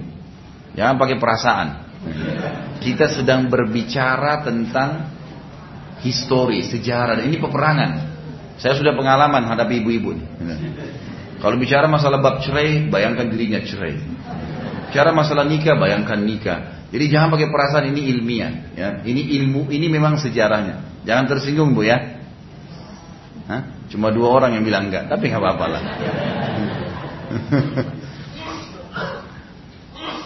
Maka mereka mengatakan yang ketiga apa? Kata mereka. Kata Kaab bin Malik, eh, eh, eh, Kaab tadi bin Asad ini, malam ini malam Sabtu. Kebetulan waktu itu hari Jumat malam, gitu kan? Malam ini malam Sabtu. Hari Sabtu, orang-orang Yahudi tidak mau membu tidak mau berperang karena mereka sudah tahu tuh. Ingat tadi kisah Sabtu itu yang diubah jadi kera dan babi gitu kan? Mereka nggak mau gara-gara itu. Pokoknya hari Sabtu sudah nggak mau melanggar. Semenjak Allah kutuk sebagian mereka, mereka sudah tidak berani langgar. Kata Kaab, malam ini malam Sabtu. Umumnya Muhammad dan sahabatnya beristirahat tidak mau menyerang karena mereka tahu Yahudi di malam Sabtu dan hari Sabtu tidak mau berperang, gitu kan? Maka lebih baik kita serang aja malam ini mereka. Mumpung mereka lagi istirahat. Maka para pemuka Yahudi juga menolak, mengatakan wahai Kaab, Anda sangat tahu bagaimana Allah menghukum pelanggar-pelanggar hari Sabtu. Gara-gara masang jala malam Sabtu, panen hari Ahad, itu kan berarti sama saja melanggar juga. Sementara malam Sabtu sudah masuk Sabtu, kami nggak mau lakukan, kami nggak mau dikutuk jadi babi dan kera. Kaab berkata, kalau begitu tidak ada lagi jalan. Sudah nggak ada lagi. Kalau tiga-tiganya kalian tolak sudah nggak ada. Saya pimpinan kalian sudah tidak punya lagi opsi, nggak ada lagi. Maka ternyata betul, karena Kaab sudah kasihkan opsi tidak ada dan opsi yang paling bijaksana tadi beriman tuh. Sudah jelas-jelas sudah mati masuk surga sebenarnya gitu kan. Tapi mereka tidak mau. Salah satu dari Yahudi ada satu orang bernama Amru ibn Wud Sa'di. Ini Amru ibn Wud masuk Islam dan dialah yang menceritakan kepada kita tentang percakapan yang ada di dalam itu. Amru bin Wud Sa'di radhiyallahu ini keluar dari dalam benteng dan menuju ke pasukan muslimin. Akhirnya ia ditangkap oleh Muhammad bin Maslama. Ini Muhammad bin Maslama radhiyallahu adalah sahabat yang luar biasa. Ini Muhammad bin Maslama yang dihitung satu orang seperti kekuatan seribu orang. Luar biasa gitu kan. Kekuatan fisiknya. Dan dia memang sangat tegas. Dia waktu itu keliling-keliling sekitar benteng. Ternyata dia lihat nih. Si Amr ini turun. Ditangkap sama dia. Lalu Muhammad bin Maslamah segera langsung mau membunuhnya. Kata dia sebentar wahai Mas Muhammad. Muhammad bin Maslamah, bawa saya kepada Nabi kalian. Ada yang saya ingin sampaikan. Muhammad bin Maslamah, kata dia, setelah itu kalau kau bunuh saya silahkan. Kata Muhammad, baiklah, saya izinkan kamu menemui Nabi SAW. Maka dibawalah kepada Nabi SAW. Lalu pada saat Amr bertemu dengan Nabi SAW, Amr berkata, saat kaum Yahudi mengkhianati kesepakatan dengan Muhammad, akulah satu-satunya orang yang menolaknya. Aku tidak mau ikut-ikutan, aku tahu bahayanya nih, berkhianat. Maka Nabi SAW mengatakan, engkau benar. Jadi wahyu menyampaikan orang ini jujur. Maka Nabi mengatakan engkau benar. Ini wahyu dari langit mengatakan orang ini benar. Memang semua Yahudi khianat kecuali orang ini. Memang dia tidak mau ikut-ikutan. Dia bahkan dia salah satu pimpinan mereka dan mereka diingatkan dia pembukanya gitu kan. Dia yang menceritakan tadi kisah kasus pembicaraan lalu dia sampaikan setelah itu bagaimana Kaab sebenarnya bin Asad ini sudah menawarkan Islam kepada mereka mereka nolak membunuh istri dan anak mereka mereka nolak disuruh nyerang juga mereka nolak jadi orang-orang Yahudi dalam ini lagi kacau semua lagi kalau gitu lagi galau mereka. Maka Nabi SAW pun bersabda kepada para sahabat dan ini hadis sahih menjelaskan orang ini telah diselamatkan karena kejujurannya. Nah, dia jujur Allah selamatkan dan subhanallah kejujuran ini simbol Islam Bapak Ibu sekalian. Orang Yahudi ini kafir ya, tapi begitu dia jujur Allah jadikan dia selamat gara-gara itu. Dia bilang saya tidak ikut-ikutan, belum syahadat waktu itu ya, tapi tidak jadi dibunuh gara-gara itu. Nabi SAW suruh bebasin. Dan akhirnya dia masuk Islam pada saat itu. Hanya dia syahadat gitu kan. Kita juga sedikit saya sisipkan ada kisah sedikit masalah kejujuran baru kita kembali ke kisah kita ya. Imam Syafi'i rahimahullah ini supaya kita tahu pentingnya jujur dalam Islam. Waktu umur beliau kalau tidak salah 9 tahun waktu itu Imam Syafi'i rahimahullah. Beliau sempat diberikan uang oleh ibunya karena dia mau ikut ke satu kafilah dan uang itu ditaruh di bagian dadah bagian dalamnya. Saya lupa ya 50 dirham atau 500 dirham dikasih uang cukup banyak untuk bekal perjalanan. Maka di tengah jalan ada perampok-perampok yang sedang menghalang kafilah tersebut. Menghadang, kemudian akan mengambil semuanya. Maka semua harta diambil dari situ. Dari pasukan dari kafilah tersebut. Waktu mereka tiba ke Imam Syafi'i, mereka bilang, wahai anak kecil, Kau punya harta nggak? Kata Imam Syafi'i, ada. 50 atau 500 dirham. Maka perampok-perampok itu tertawa. Ini anak kecil tapi suka ngolok-ngolok nih. Dari mana punya uang sebanyak itu? Dia bilang ada, uang saya di sini, di dadanya. Emang betul, jujur dia, gitu kan? Ini bagaimana orang tua ini kejujuran. Maka mereka makin tertawa gitu. Lalu mereka bawa ini ke kepala sukunya, ke kepala kepala perampok. Mereka ini sebenarnya perampok orang-orang Muslim. Tapi mereka orang fasik ya gitu. Maka pada saat itu kepala sukunya tanya, mereka kenapa kau bawa anak kecil ini kepada saya? Kata mereka, anak kecil ini mengaku punya uang 500 dirham. Dan kami tertawa, Tuhan ini kayaknya nggak masuk di akal bercanda. Lalu kepala sukunya balik ke Imam Syafi'i tanya, wahai anak kecil, apa benar kau punya uang 500 dirham? Dia bilang, iya ada. Di mana? Dia bilang di sini. Tunjuk di dadanya. Kata kepala sukunya keluarkan. Dikeluarkan, betul ada. Orang-orang yang lain semua pada heran. Ternyata ini jujur. Kata kepala sukunya, lihatlah bagaimana sebenarnya hidayah Allah telah datang kepada kalian. Anak ini jujur dan akhirnya Allah ingatkan kita melalui dia. Akhirnya diajak semua pengikutnya itu untuk taubat. Gara-gara kejujuran Imam Syafi'i. Bagaimana Allah tetap memberikan haknya dia 500 dirham gara-gara kejujuran. Jadi ini luar biasa kejujuran itu. Ya. Makanya kata Nabi SAW, lazimi kejujuran walaupun depan mata kalian kehancuran dan jauhi kebohongan walaupun depan mata kalian keberhasilan. Karena kejujuran itu akan menyelesaikan masalah pada saat itu. Ini kita pecahin gelas nih jatuh. Kemudian orangnya datang. Oh gelas pecah. Iya maaf tadi saya jatuhin. Jujur selesai kan? Ya udah minta maaf mau diapain konsekuensinya ganti oke saya ganti. Tapi kalau oh bukan saya. Bohong misalnya. Ternyata tidak ada orang lain di ruangan. Atau mungkin ketahuan setelah itu. Maka akan bohong lagi. Bohong-bohong itu banyak saudaranya yang buruk-buruk. Kejujuran itu akan menyetopkan masalah pada saat itu. Jadi selesai. Gitu kan? Memang betul pahit. Makanya kata Nabi SAW. Kulil hak walau kana mur. Ucapkan kebenaran walaupun itu pahit. Udah harus diucapkan. Gak perlu kita sembunyi-sembunyi. Baik. Pengepungan pada saat itu di suku Quraisy berjalan 19 hari. Mereka nggak mau menyerah, mereka bingung. Nabi SAW juga mengepung. Karena memang tidak mungkin menyerang sementara memang masih benteng tertutup gitu kan. Maka ada sahabat yang mulia tadi yang saya ceritakan anaknya Sofia, Zubair bin Awam radhiyallahu anhu. Ini luar biasa sahabat ini. Ya. Dia bilang dia kumpul beberapa anak-anak muda yang seumur dengan dia. Sekarang begini aja, daripada kita nunggu lama, untuk apa? Untuk apa kita masuk ke kancah peperangan? Untuk apa kita ngepung Bani Quraidah? Teman-teman bilang untuk mati syahid atau kita memuliakan Islam. Kata Zubair, kalau begitu untuk apa kalian nunggu? Sekarang siapa yang siap ikut sama saya?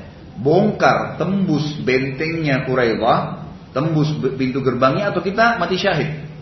Kita berhasil tembus atau kita mati terbunuh. Sekarang kita manjat aja ke tembok-temboknya nih. Maka sepakatlah beberapa orang anak muda tapi tidak disebutkan waktu itu berapa jumlah mereka. Semua sepakat pada saat itu ada sebagian akar menyebutkan sekitar belasan atau belasan orang anak-anak muda semuanya kumpul. Mereka bentuk pasukan satu saf lalu mereka bertakbir menunggangi kuda mereka menembus ingin menembus pintu gerbang. Dengan cara nanti mereka akan naik di atas kudanya lalu melempar tali ke atas yang, di, yang diikuti dengan jangkar ya biasa kalau kita itu untuk naik ke atas gitu untuk naik ke benteng. Begitu subhanallah mereka bertakbir Allahu Akbar. Belasan orang ini orang-orang Yahudi dengar takbir mereka kira semua pasukan nyerang. Akhirnya mereka menyatakan dari atas kami menyerah kami menyerah gitu. Semuanya mengatakan itu dan sebagai bukti mereka turun membuka pintu gerbangnya. Mereka turun membuka pintu gerbangnya. Jadi gara-gara perilaku Zubair radhiyallahu anhu akhirnya benteng Yahudi terserahkan pada saat itu. Ya. Akhirnya semua Yahudi menyerahkan diri dan juga harta dan benteng mereka. Semua kaum laki-laki yang jumlahnya sekitar 700 orang personil mereka semuanya diikat pada saat itu. Semuanya diikat. Suku Aus dan suku Quraidah saat itu mendatangi Nabi Shallallahu Jadi suku Aus sekutunya Quraidah ya.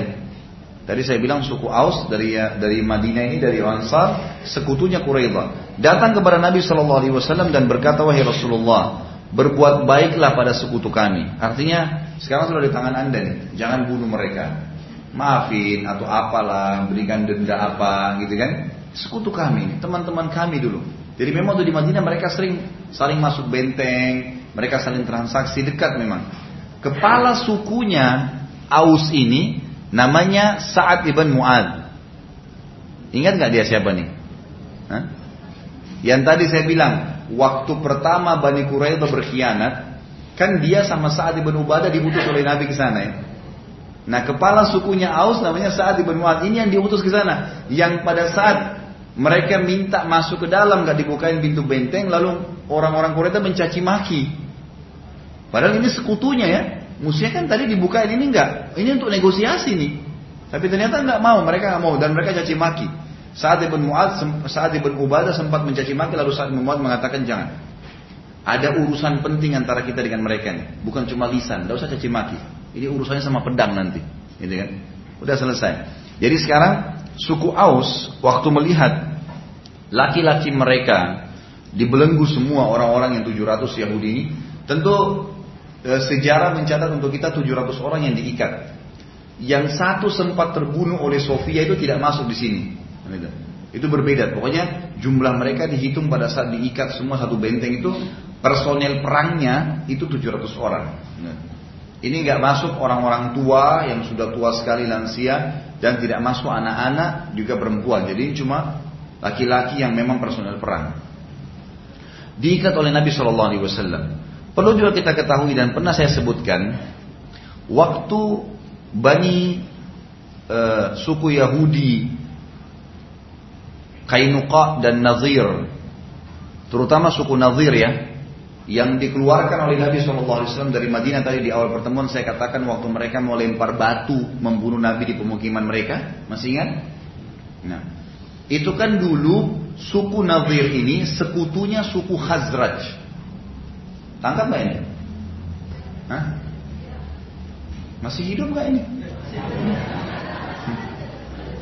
Jadi suku Yahudi Quraidah sekutunya suku apa? Aus, ya. Kan ada dua suku besar Madinah yang dikenal dengan Ansar ya. Aus dan Khazraj. Suku Khazraj ini, suku yang lain, ini sekutunya dulu sama suku Nadir. Nadir sudah diusir dari Madinah oleh Nabi SAW. Nah kepala sukunya Khazraj ini, itu adalah Abdullah bin Abi Salul, kepala munafikin tuh. Kan itu. Maka waktu Nabi SAW mengepung Nazir, sempat Abdullah bin Abi Salul ini pimpinan munafik mengatakan, wahai Rasulullah, kan itu. Berbuat baiklah pada sekutuku. Terus saja dia menahan Nabi SAW sampai Nabi menyerahkan semua suku Hazra, suku Nadir kepada mereka kepada Abdullah. Lalu Abdullah pun berhasil menyelamatkan mereka semua keluar ke Khaybar. Gitu kan?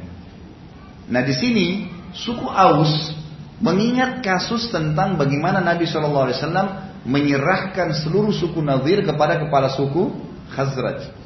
Maka mereka bilang juga ya Rasulullah berbuat baiklah pada sekutu kami.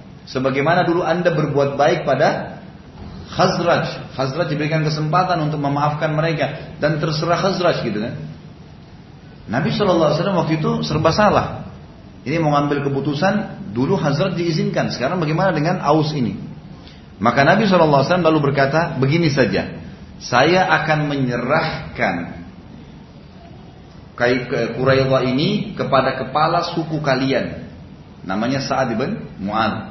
Kepala suku. Sebagaimana saya serahkan dulu Nazir kepada kepala suku Khazraj. Gitu kan?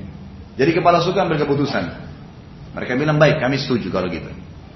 Lalu waktu itu juga kalau bapak ibu masih ingat, saat bin Mu'adz radhiyallahu anhu ini sahabat Nabi yang mulia, pimpinan Aus ini, waktu terjadi perang Ahzab itu sempat ada saling melempar panah.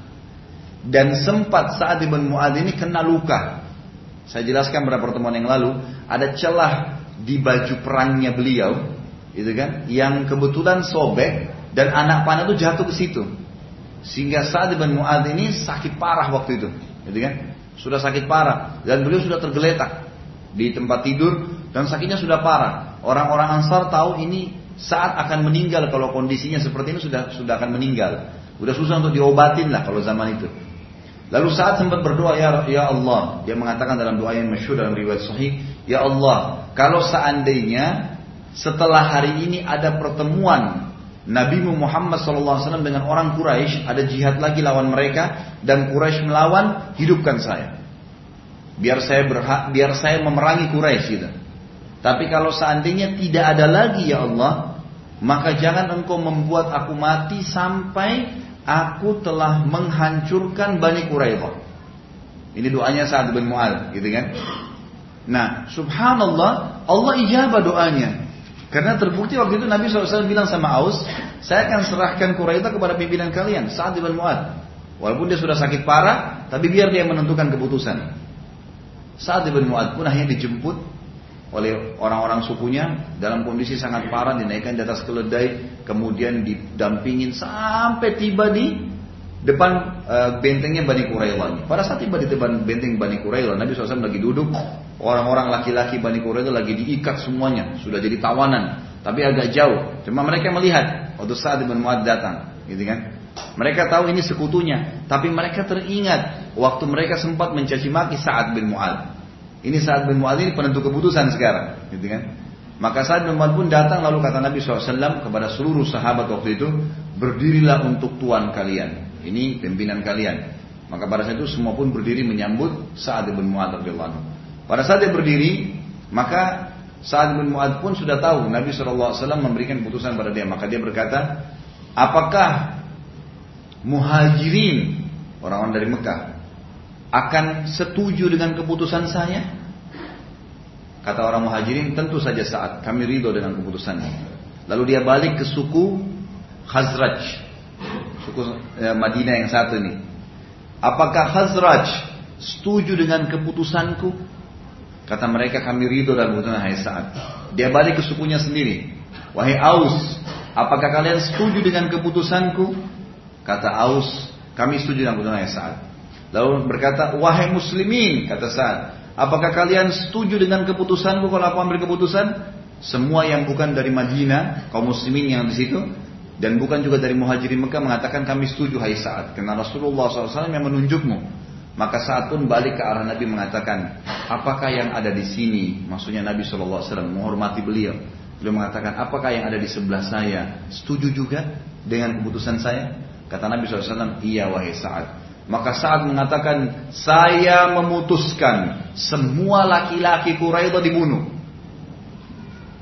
700 orang bunuh semuanya. Perempuannya dan anak-anaknya semua jadi tawanan. Apa yang terjadi? Nabi SAW dalam hadis Bukhari bertakbir mengatakan Allahu Akbar. Engkau telah mengambil keputusan yang telah Allah tentukan dari langit yang ketujuh. Artinya memang ini keputusan yang Allah sudah kasih sebenarnya. Tapi kau mengambil keputusan hai saat dengan keputusan itu. Maka yang terjadi Bapak Ibu sekalian pada saat itu seluruh muslimin pun akhirnya bertakbir, gitu kan? Karena memang ini melihat bagaimana keputusan sesuai dengan keputusan Allah Subhanahu wa taala.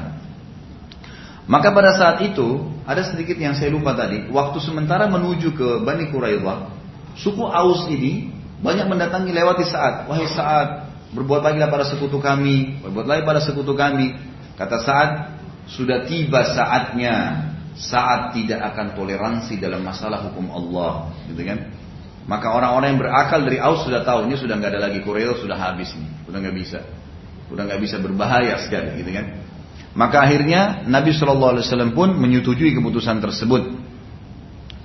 Lalu pada saat itu teman-teman sekalian, orang-orang Yahudi mereka jauh, mereka nggak dengar keputusannya saat ini apa, gitu kan? Setelah itu Nabi SAW mengatakan kalau begitu ambillah 10-10 orang di antara mereka. Dibuatin sebuah lubang besar, dibunuh 10 orang di sana. Setelah dibunuh diambil lagi 10 orang, terus begitu, gitu kan. Dan di sini saya sudah katakan, sekali lagi saya ulangi, kita sedang bahas masalah peperangan. Jangan terbawa perasaan dibayangkan yang aneh-aneh atau dianggap ini kok bisa ya terjadi. Ini situasinya pada saat itu begitu. Ini pengkhianat-pengkhianat yang kalau dibiarkan jumlahnya banyak, mereka bisa menyerang kapan saja Madinah, bisa berkhianat kapan saja. Misalnya pasukan Quraisy kembali lagi berkhianat lagi dan seterusnya, gitu ya. Maka ini keputusan dan Nabi SAW sini mengambil keputusan dari kepala suku Aus, sekutu mereka, gitu kan. Dan Allah Subhanahu Wa Taala memang memerintahkan masalah itu. Kita harus tahu ya, dan Allah SWT kalau menentukan sesuatu keputusan, mungkin di mata manusia bisa baik bisa buruk, tapi pasti baik di mata Allah Taala. Ingat kisah Nabi Khidir, waktu beliau membunuh anak kecil, tahu ya? Tiba-tiba anak kecil lagi main-main ditangkap dibunuh. Musa kaget, kenapa kau bunuh Hai Khidir? Anak tidak ada dosanya. Kata Khidir, ingat kesepakatan antara saya sama kamu Hai Musa, jangan bertanya sampai saya jelaskan. Nggak boleh bertanya. Nanti saya jelasin baru bisa. Tapi akhirnya kan dijelaskan oleh Khidir setelah itu. Karena sudah terlalu banyak. Tiga kali masalah dihadapi oleh Musa. Pertama kapal dibocorin, gitu kan. Kemudian Musa tanya kenapa? Kata Khidir saya sudah bilang syaratnya ikut sama saya satu. Jangan bertanya sampai saya jelasin. Baiklah Musa minta maaf. Lewat di anak kecil dibunuh sama Musa alaihissalam. Anak kecil eh sama Khidir. Lalu Musa tanya kenapa kau bunuh anak kecil? Kata Khidir saya sudah kasih syarat. Jangan bertanya. Sampai saya jelasin. Baiklah kata Musa, saya minta maaf. Yang ketiga, pada saat tiba di satu lokasi, Khidir dan Musa kehabisan makanan. Satu kampung, Khidir sempat minta makanan, orang-orang kampung nggak kenal mereka, nggak ada yang mau kasih makanan. Dianggap orang asing. Zaman dulu itu kalau ada orang asing, itu nggak sembarangan bisa masuk ke benteng-benteng mereka. Dianggap nanti berbahaya dari dalam. Maka nggak dibantu, nggak dikasih makanan segala. Kebetulan di dalam benteng itu ada satu rumah yang temboknya mau rubuh sama Khidir mujizat dari Allah SWT, dia sentuh temboknya tiba-tiba jadi bagus tembok itu. Dan sudah mau rubuh, sudah retak jadi bagus tiba-tiba. Kata Musa, Musa cuma berikan masukan, hai Khidir. Kalau kau mau, kamu kan perbaiki tembok mereka. Kita bisa minta bayaran tuh dari situ. Kata Khidir, sekarang saatnya kita bisa. Sudah terlalu banyak pertanyaan kau nih Musa, gitu kan? Maka kata Khidir saya jelasin, kalau kapal pertama yang saya bolong-bolongin itu karena di situ ada raja pada hari itu Allah beritahukan kepada saya dan itu perintah Allah untuk membolonginya bolong-bolong kecil agar kelihatan ada aibnya karena pada hari itu ada raja zalim yang selalu datang mengambil kapal-kapal nelayan yang bagus. Maka nelayan tinggal tambal selesai sebenarnya, tapi kapal mereka aman. Ini orang banyak nggak tahu. Mujizat Nabi Khidir dan anak kecil yang saya bunuh ini saksi bahasan kita. Perintah dari Allah, Allah sudah beritakan anak ini kalau besar, kalau sudah balik, durhaka sama orang tuanya.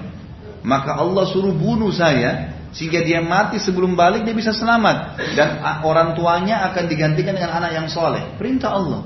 Ini mujizat Nabi, kita nggak bisa bantah itu kan. Kemudian kalau yang ketiga, tembok yang saya perbaikin bukan karena saya mau balasan makanan dari mereka. Karena di bawah tembok itu ada harta karun tersimpan, punya orang tua anak-anak ini, yang punya rumah anak yatim. Orang tuanya sudah meninggal, mereka masih kecil-kecil. Kalau tembok itu dibiarin rubuh, maka masyarakat tahu ada harta akan diambil dari mereka.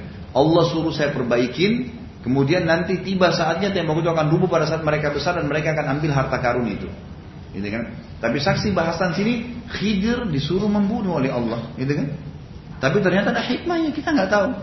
Terjadinya badai, terjadinya banjir, pasti semuanya baik di pandangan Allah Subhanahu wa taala. Kita saja yang tidak paham, tidak paham masalah itu. Seperti itulah memahaminya. Sama halnya dalam masalah ini ya, sama halnya dengan masalah ini.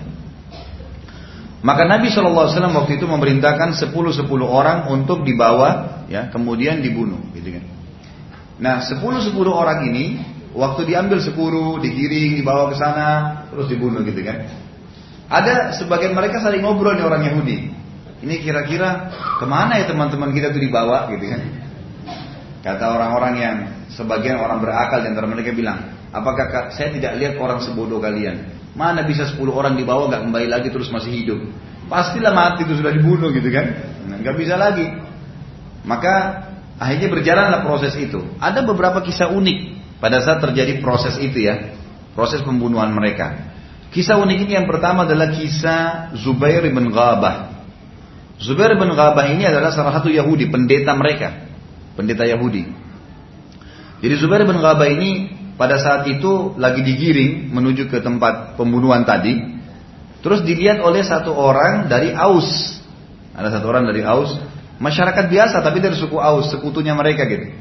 Kata orang ini, ya Rasulullah, ini Zubair bin Ghabah ini waktu sebelum saya masuk Islam, sebelum anda datang ke sini, saya pernah punya masalah. Dan saya pernah dibantu oleh dia dibebasin dari masalah itu dengan bukan masalah bayar utang atau apa lagi. Saya mohon ya Rasulullah berikan Zubair bin Ghabah buat saya, bebasin buat saya. Kata Nabi SAW baik loh, ambil saja, gitu kan? Dan Nabi SAW waktu itu masih memaafkan kalau memang ada muslimin yang mau membela silahkan. Tapi karena yang tidak kalau tidak ada yang bela ya sudah dibunuh orangnya gitu kan. Maka dia bilang ya Rasulullah, bagaimana dengan keluarganya dan hartanya? Kata Nabi semua milik kamu. Silakan ambil, bebasin aja. Maka orang ini pun datang kepada Zubair bin Ghabah. Ini bodohnya orang Yahudi nih. Gitu. Didatangi oleh orang Aus lalu dia berkata, wahai Zubair, saya sudah memohon kepada Nabi SAW untuk membebaskan dan dia telah memberikan aku keluargamu dan hartamu. Selamatkan dirimu. Kata Zubair, baiklah, saya berterima kasih dengan kamu. Tapi bagaimana dengan dua orang sahabat saya? Jadi sahabatnya ini ada tadi pimpinan suku Quraisy namanya Ka'ab bin As'ad. Dan ada kepala suku Bani Nadir, suku Nadir yang diusir dari Madinah namanya Huyai bin Akhtab. Huyai bin Akhtab ini yang tadinya memotivasi pasukan Ahzab untuk nyerang Madinah, gitu kan? Dia sempat waktu Ahzab bubar, dia lagi ada di bentengnya si Quraidah ini, gitu kan? Lagi ada di situ dia. Maka dia menjadikan dirinya sebagai jaminan kalau orang-orang Yahudi tidak akan meninggalkan Quraidah. Nazir dan Kainuka suku yang lain tidak akan meninggalkan Quraidah. Maka kata si ya, Zubair ini, bagaimana dengan keadaan dua orang sahabat saya, Ka'ab bin As'ad dan Huyai bin Akhtab? Kata si Aus ini, tidak ada jaminan. Pasti dia akan kena hukuman dibunuh seperti yang lainnya, gitu kan? Kata si kata si uh, Zubair ini, saya tidak bisa, saya tidak bisa merasa tenang kecuali kedua teman saya itu juga diselamatkan. Kata Aus ini orang Aus bilang mustahil udah, nggak mungkin. Kalau gitu kau akan pasrah berarti untuk dibunuh. Apa kata si Zubair? Gak apa-apa lah saya mati bersama mereka, saya menuju ke surga kok. Jadi dianggap dirinya ini mati syahid gitu. ini kebodohan. Akhirnya terbunuhlah si Zubair ini gitu. Padahal sebenarnya tadinya bisa selamat ya. Dan sekali lagi perlu kita ketahui kalau mereka dari awal masuk Islam seperti Ka'ab bin As'ad tawarkan, maka sudah selesai ini. Tidak ada sebenarnya tidak terjadi semua ini. Tapi mereka dasarnya cengkal, menolak dan itu kata ulama sejarah, sebenarnya itu sinyal dari Allah supaya mereka mau masuk Islam. Tapi mereka tidak mau. Dan sempat dikepung 19 hari, tetap nggak mau, tetap ngotot gitu kan dalam pengkhianatannya dan mereka baru menyerah pada saat Zubair bin Awam mau menyerang tadi. Ada kisah yang lain namanya Rufa'a al-Qaradi. Rufa al-Qadhi radhiyallahu masuk Islam akhirnya. Rufa al-Qadhi ini anak muda, baru balik. Umurnya karena semua yang balik itu sebenarnya sudah masuk dewasa. masuk di belenggu gitu kan. Yang belum balik itu masuk dalam tawanan perang, dalam harta rampasan perang. Maka ini baru balik dia nih, si Rufain. Waktu lagi digiring, mau dibawa ke sana, ada satu sahabat lewat perempuan. Lalu si Rufa ini tahu kenal sahabat ini. Mengatakan ibu ibu tolong selamatin saya saya nggak mau dibunuh. Dan saya bersumpah atas nama Allah saya mau jaga sholat dan saya masuk Islam. Gitu kan. Sahabat ini lihat Rufa ya, anak ini masih muda gitu. Kata sahabat itu baiklah. Dia bilang kepada sahabat-sahabat yang membawanya biarkan anak muda ini saya bawa ke Rasulullah SAW mereka bilang silahkan. Dibawalah ke Nabi SAW kata ibu ini Rufa ya Rasulullah, bebasin buat saya. Kata Nabi SAW buat kamu, silahkan. Gitu kan? Kalau ada muslim yang mau silahkan, bebas. Gitu. Asal ada muslim penjaminnya silahkan. Maka kata Rufa, saya pun akhirnya bebas dan betul dia syahadat. Dan akhirnya dia termasuk menjadi ulamanya sahabat. Dia belajar Islam yang benar, akhirnya dia selamat. Dan setiap kali dia berdoa dia mengatakan ya Allah ampunilah dan rahmatilah orang yang telah menyelamatku dari pembantaian. Artinya ibu itu, ya ibu yang sempat selamatin dia. Nabi SAW pada saat itu terjadilah proses laki-laki tadi selesai, maka perempuan dan anak-anaknya berarti harta rampasan perang. Dan Nabi SAW membagi kepada para sahabat untuk menjadi tawanan perang mereka, jadi di dalam hukumnya menjadi budak mereka dan mereka dianjurkan untuk membebasin. Mereka diajak masuk Islam baru dibebasin, masuk Islam dibebasin. Nabi SAW ya, pada saat itu mendapatkan bagian harta samprang namanya Raihana Al-Quradiyah. Raihana ini seorang wanita anak kepala suku. Kalau saya tidak salah dia anaknya Ka'ab bin As'ad tadi, gitu kan. Nabi SAW tawarkan kepada dia Islam. Masuk Islam lah, hai Raihana. Maka setelah itu kamu akan saya bebaskan dari keterbudakan, kamu akan saya nikahi. Maka si Raihana nolak awalnya, nggak mau, gitu kan. Saya nggak mau. Lalu Nabi SAW membiarkan dia berpikir sampai 2-3 hari. Setelah dia berpikir 2-3 hari, Nabi SAW melihat Raihana lagi jalan. Ya, diperlihatkan oleh Allah dia lagi jalan menuju ke rumah Nabi SAW. Kata Nabi SAW kepada para sahabat yang kumpul, Allah telah memberikan berita gembira kepada saya bahwasanya Raihana akan masuk Islam. Dia akan syahadat nih sekarang. Dan saya akan lakukan apa yang saya lakukan. Maka Raihana pun betul mengucapkan syahadat di hadapan Nabi SAW. Lalu Nabi SAW bebasin lalu dinikahi oleh Nabi SAW. Yang kita perlu titik beratkan di sini pelajaran besar Bapak Ibu sekalian. Ternyata syaitan itu masuk ke dalam seluruh lini kehidupan manusia. Dia bisa menghiasi perbuatan baik itu, perbuatan buruk itu menjadi baik, gitu kan? Dan itu yang paling sering dilakukan. Sampai-sampai orang Yahudi ini pun tahu kalau mereka salah. Padahal pada saat itu ya, kata ahli sejarah disepakati semuanya.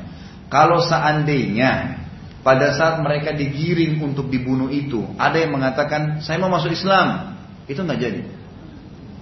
Tidak akan dibunuh karena dia sudah muslim, gitu kan? Dia mau syahadat udah, tapi dasarnya mereka tidak mau. Syaitan menghiasi keyakinan mereka seakan-akan mereka benar. Dan yang luar biasanya orang Yahudi sebagaimana Ibu Abbas mengatakan dalam orang Yahudi ini berbeda. Mereka tahu kebenaran tapi mereka tidak mau ikutin. Itu kan kebodohan yang luar biasa. Makanya Ibnu Abbas mengatakan tafsir ghairil maghdubi alaihim waladhdallin Bukan orang-orang yang kau murkahi Allah yang murkahi orang Yahudi. Karena mereka tahu kebenaran mereka tidak mau ikuti. Subhanallah.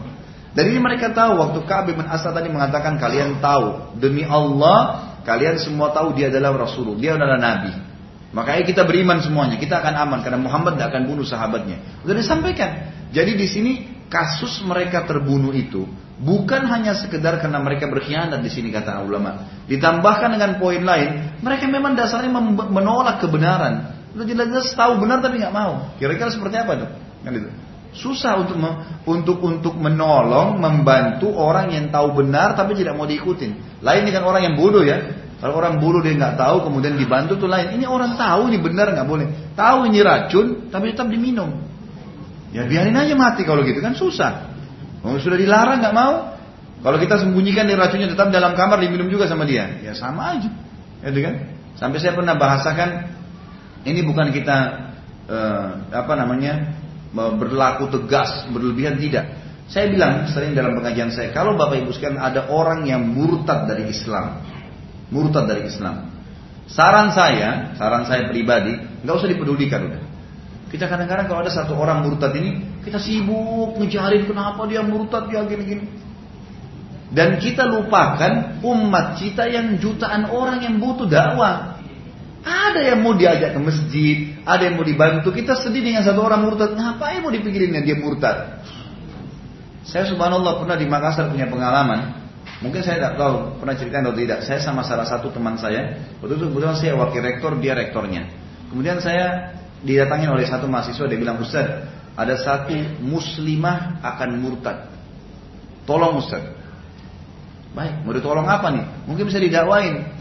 Karena dia akan menikah dengan satu orang kafir, dia mau murtad. Saya musyawarah sama teman saya ini. Dia kebetulan rektor, saya wakil rektor di kampus, saya bilang gimana nih?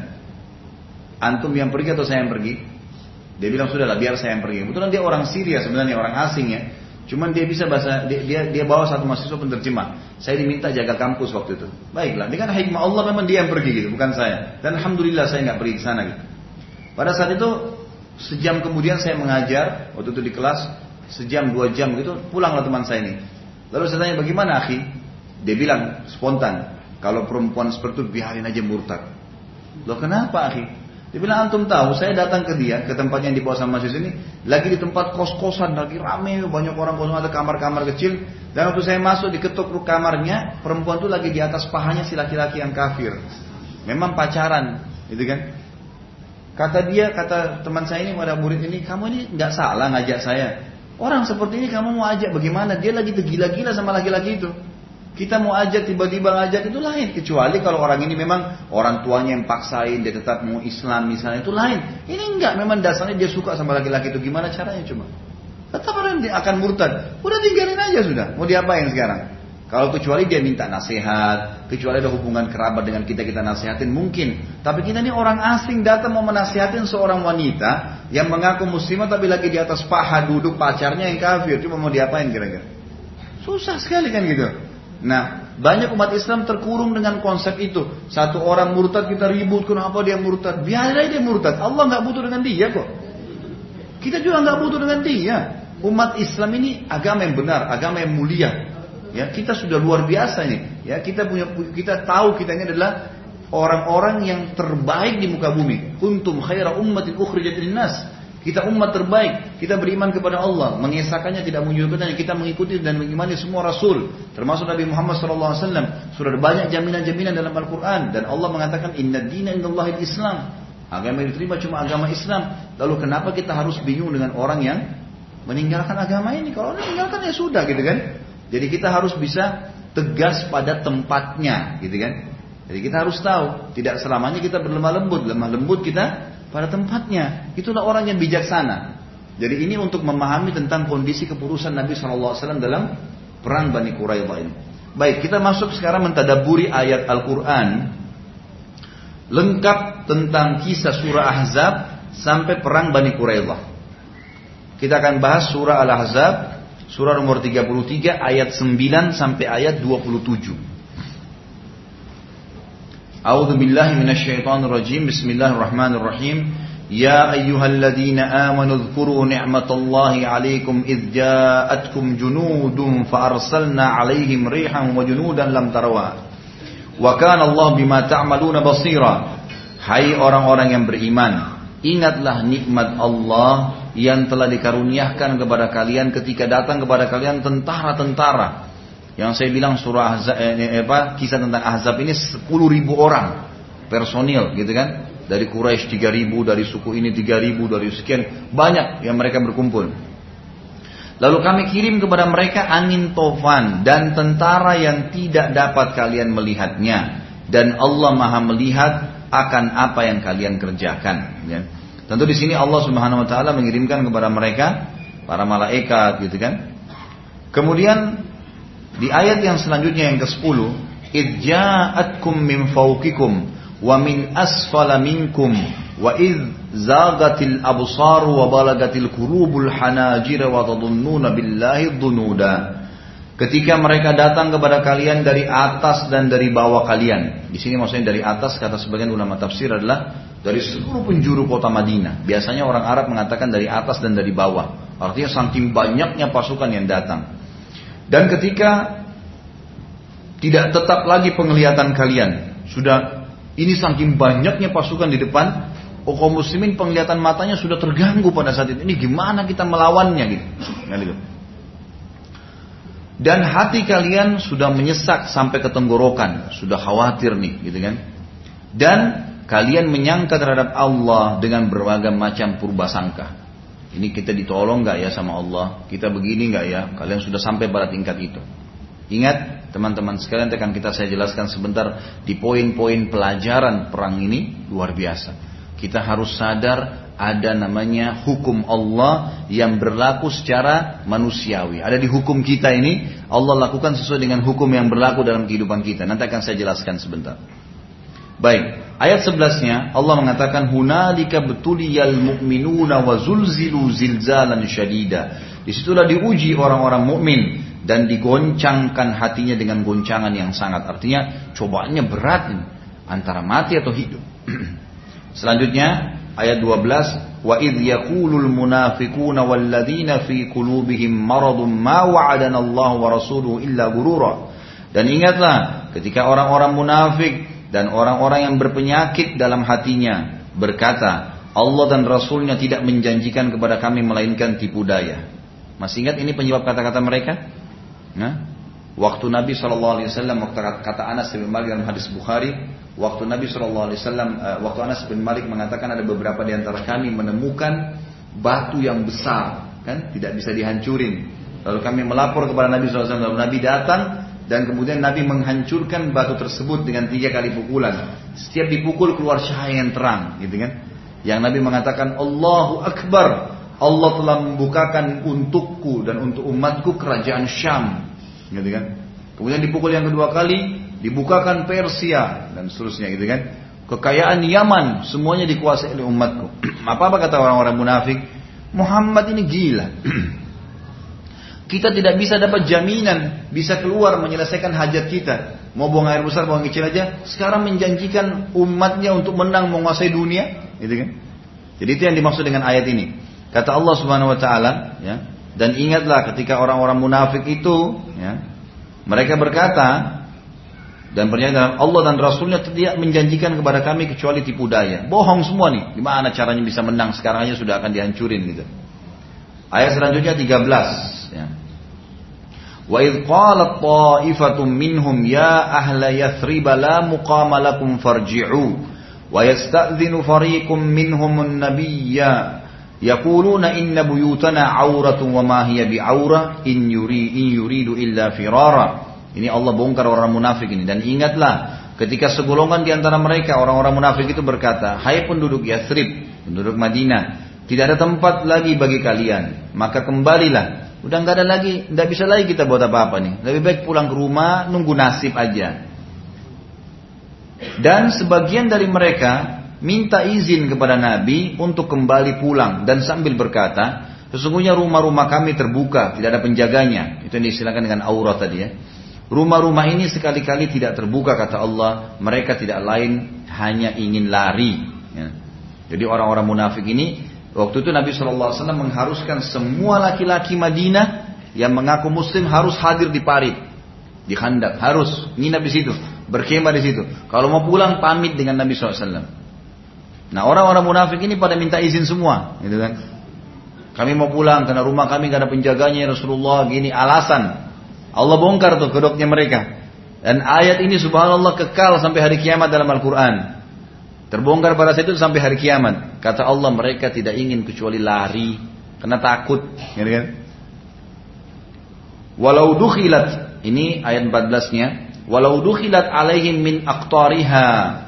Thumma su'ilul fitnata la'atauha wa ma talabbasu illa wa ma talabbasu biha illa kalau Yathrib itu, Madinah, sempat diserang dari segala penjuru, kemudian diminta kepada mereka supaya murtad, niscaya mereka mengerjakannya. Jadi kalau berhasil pasukan Ahzab masuk, maka orang munafik ini paling pertama murtad sudah. Daripada dibunuh, lebih baik murtad gitu. Dan mereka tidak akan ragu untuk murtad itu, melainkan dalam waktu yang sangat singkat. Artinya langsung bisa murtad, gak pakai berpikir panjang. Kalau berhasil pasukan Ahzab menyerang. Ayat 15. Walaqad kanu ahadullaha min qablu la yuwalluna al-adbar wa kana ahdullahi mas'ula. Sesungguhnya mereka sebelum itu telah berjanji kepada Allah di depan Nabi wasallam, kami benar muslim, kami akan bela Madinah, gitu kan? Mereka telah berjanji sama Allah sebenarnya. Mereka tidak akan kembali, berbalik ke belakang, mundur dari peperangan. Dan perjanjian dengan Allah akan diminta pertanggungjawaban. Lihat bagaimana ayat membongkar kejadian pada saat itu. Luar biasa, seperti kita lagi hadir tuh. Allah bongkar bagaimana kejadian-kejadiannya gini. Lalu kata Allah di ayat 16-nya. Kullan yanfa'ukumul firaru in farartum minal mauti awil qatli wa idan la tumatta'una illa qalila. Katakanlah, Lari itu sekali-kali tidaklah berguna bagi kalian. Lari dari peperangan tidak ada gunanya buat kalian.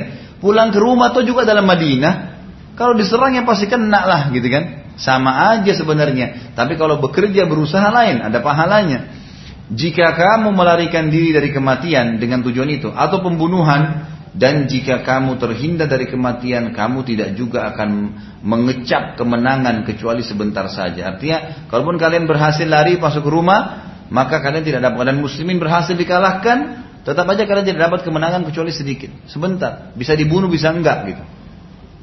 Ayat 17, Kul man dzalladzi ya'simukum minallahi in arada bikum su'an aw arada bikum rahmah wa la yajiduna lahum min dunillahi waliyyan wala nasira. Katakanlah hai Muhammad, siapa yang dapat melindungi kalian dari takdir Allah jika dia menghendaki bencana atas kalian atau menghendaki rahmat untuk kalian? Ada yang bisa tampung? Kalau Allah mau kalian mati, mati di mana pun berada, tidak bisa lari. Atau Allah ingin kemenangan, siapa yang bisa menampung kemenangan itu? Dan orang-orang munafik itu tidak memperoleh bagi mereka pelindung dan penolong selain Allah. Subhanallah ayat ini Bapak Ibu sekalian turun ya turun itu setelah peperangan ya. Jadi Allah ceritain setelah peperangan nih semuanya. Kemudian ayat 18-nya.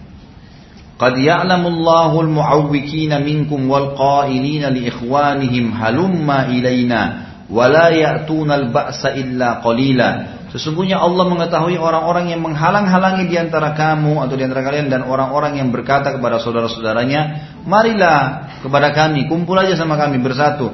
Dan mereka tidak mendatangi peperangan melainkan sebentar. Ini orang-orang munafik semua nih. Jadi setiap orang ada pasukan Quraisy sudah berusaha memanah, ada sahabat-sahabat yang cuma membalas panahan tersebut atau ada yang berusaha masuk ke parit, kemudian mau naik maka dipanahin oleh para sahabat. Setiap melihat itu orang-orang munafik datang. Sudahlah, nggak usah diganggu, nggak bisa juga tembus kok. Jadi mereka berusaha menghalangi muslimin untuk menghancurkan musuh-musuh mereka gitu. Lalu kata Allah yang selanjutnya, asyihatan alaikum. Ini ayat 19.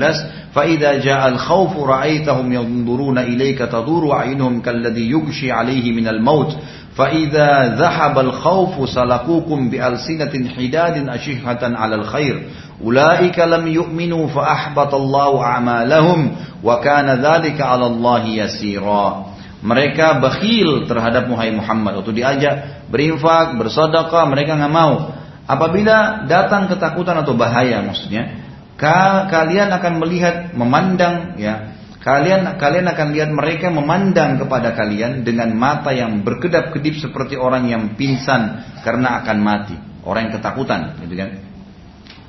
Dan apabila ketakutan telah hilang, mereka mencaci kamu dengan lidah yang tajam, sedang mereka bakhil untuk berbuat kebaikan. Mereka itu tidak beriman, kata Allah. Orang-orang yang munafik tadi. Maka Allah menghapus pahala amal mereka. Dan yang demikian itu adalah mudah bagi Allah.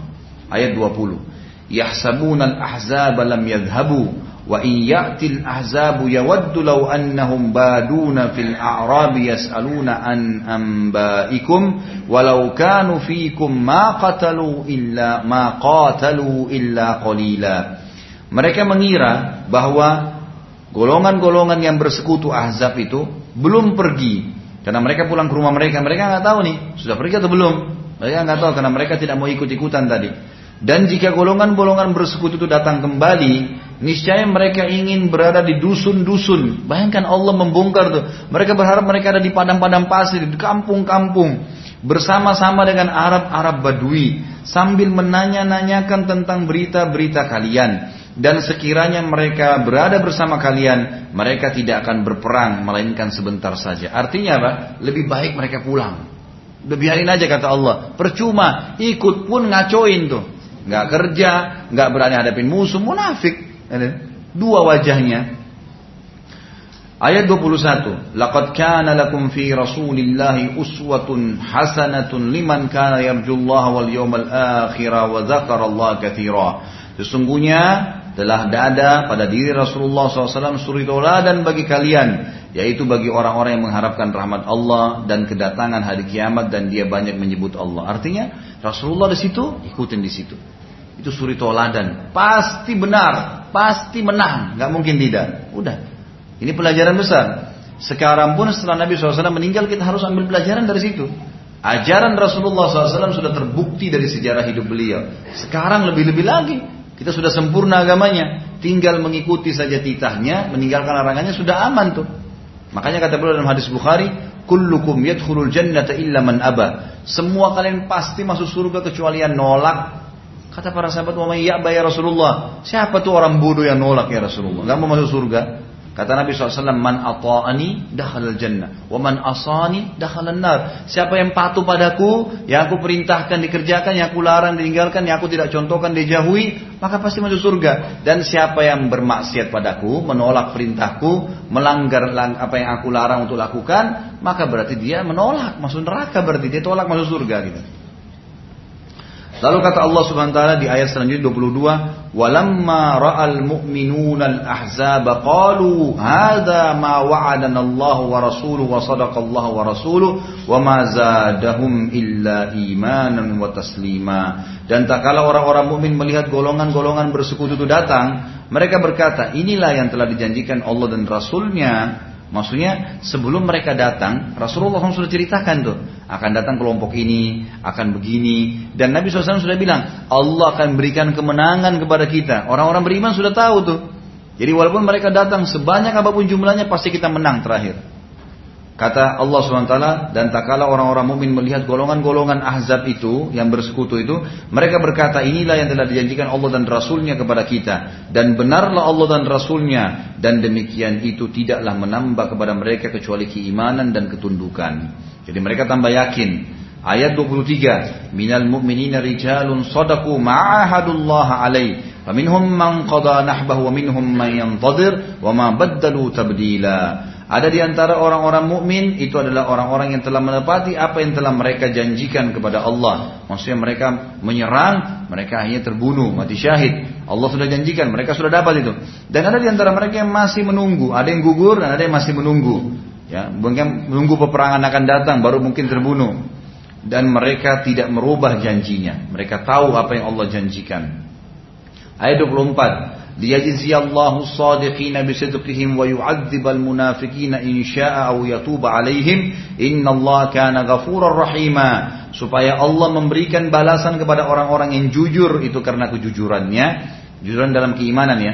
Dan menyiksa orang munafik jika dikehendakinya. Atau menerima tobat mereka. Sesungguhnya Allah Maha Pengampun lagi Maha Penyayang Ayat 25. Waraddallahu alladhina kafaru bighaidhihim lam yanalu khaira wa kafallahu almu'minina qital wa kana Allahu qawiyyan aziza. Dan Allah menghalau orang-orang kafir itu yang keadaan mereka penuh dengan kejengkelan. Bagi, lagi mereka tidak memperoleh keuntungan apa pun dari pengepungan dan Allah menghindarkan mukminin dari peperangan dan Allah Maha Kuat lagi Maha Perkasa ayat 26 wa anzal wa anzal alladziina zaharuhum min ahli alkitab min saya min sayasihim wa kataba fi qulubihim ar-ru'b wa kataba fi qulubihim ar-ru'b fariqan taqtuluna wa ta'siruna fariqa dan dia ini keputusan Allah tentang tadi suku Quraisy yang laki-lakinya pada dikepung dan kemudian dibunuh, gitu kan? Itu keputusan Allah, bukan keputusan dari Nabi SAW, bukan keputusan saja dari Sa'ad bin Mu'ad, tapi memang ini Allah sudah putuskan. Jadi walaupun Sa'ad bin Mu'ad mengambil keputusan yang lain, tetap akan kembali kepada keputusan Allah nantinya, gitu kan? Kata Allah dan dia Allah menurunkan, mengeluarkan orang-orang ahli kitab suku Quraidah yang membantu golongan-golongan yang berkesekutu. Tadinya membantu orang-orang Ahzab, gitu kan? Dari benteng-benteng mereka, Allah yang buat mereka keluar. Dan dialah Allah yang memasukkan rasa takut ke dalam hati mereka. Sebagian mereka kalian bunuh dan sebagian lagi yang kalian tawan. Ayat 27 yang terakhir, wa aurathakum ardahum wa diyarahum wa amwalahum wa ardan lam tata'uha wa kana Allahu ala kulli syai'in qadira. Dan dia mewariskan kepada kalian tanah-tanah, rumah-rumah dan harta benda mereka. Jadi harta rampasan perang buat kalian karena pengkhianatan mereka, karena kufuran mereka. Dan begitu pula tanah yang belum kalian injak. Maksudnya akan ada nanti pembebasan-pembebasan tanah yang lain Ya setelah ini akan ada peperangan kalian akan bebasin seperti pembebasan kota Mekah, gitu kan? Kemudian nanti ada wilayah Tabuk yang akan diserang oleh Nabi SAW dan seterusnya. Dan kemudian ada pembukaan-pembukaan di zaman khilafah-khilafah Islamiyah itu semua masuk dalam ayat ini. Dan sesungguhnya Allah itu maha kuasa atas segala sesuatunya. Coba Bapak Ibu sekalian bayangkan kalau ayat ini Anda baca tanpa tahu sirah. Ngerti nggak apa yang sedang dibahas? Hmm. Itu luar biasanya belajar sirah itu. Kita jadi tahu tuh dari ayat 9 sampai 27 ternyata nih Allah lagi ceritain nih tentang mereka nih ini, ini dibongkar. Jadi seperti Allah lagi bicara dengan kita gitu. Ini menambah keimanan seorang mukmin bahwasanya Allah sedang memang ada. Allah itu maha hidup, maha ada. Kitabnya menceritakan kepada kita tentang kejadian agar kita lebih beriman. Gitu kan. Baik, kita tutup Bapak Ibu sekalian dengan pelajaran penting yang didapat dari perang Ahzab dan Quraisy. Ada beberapa poin yang pertama, terbongkarnya kedok kaum munafikin tembongannya kedua kaum munafikin. Nah, perlu kita tahu dan ini saya pernah ulangin, saya pernah sampaikan dan saya ulangin lagi sekarang. Pimpinan orang munafik di Madinah siapa namanya? Hah? Abdullah. Ada riwayat mengatakan Ubaidillah, gitu kan? Bin Abi Salul. Namanya dia Abdullah. Apa artinya Abdullah? Hamba Allah. Tapi kepala munafikin. Gitu kan? Artinya begini, jangan heran kalau sekarang ada orang namanya Muhammad Abdullah Ahmad tapi benci dengan Islam, itu biasa. Kalau saya nggak kaget karena saya tahu sejarahnya.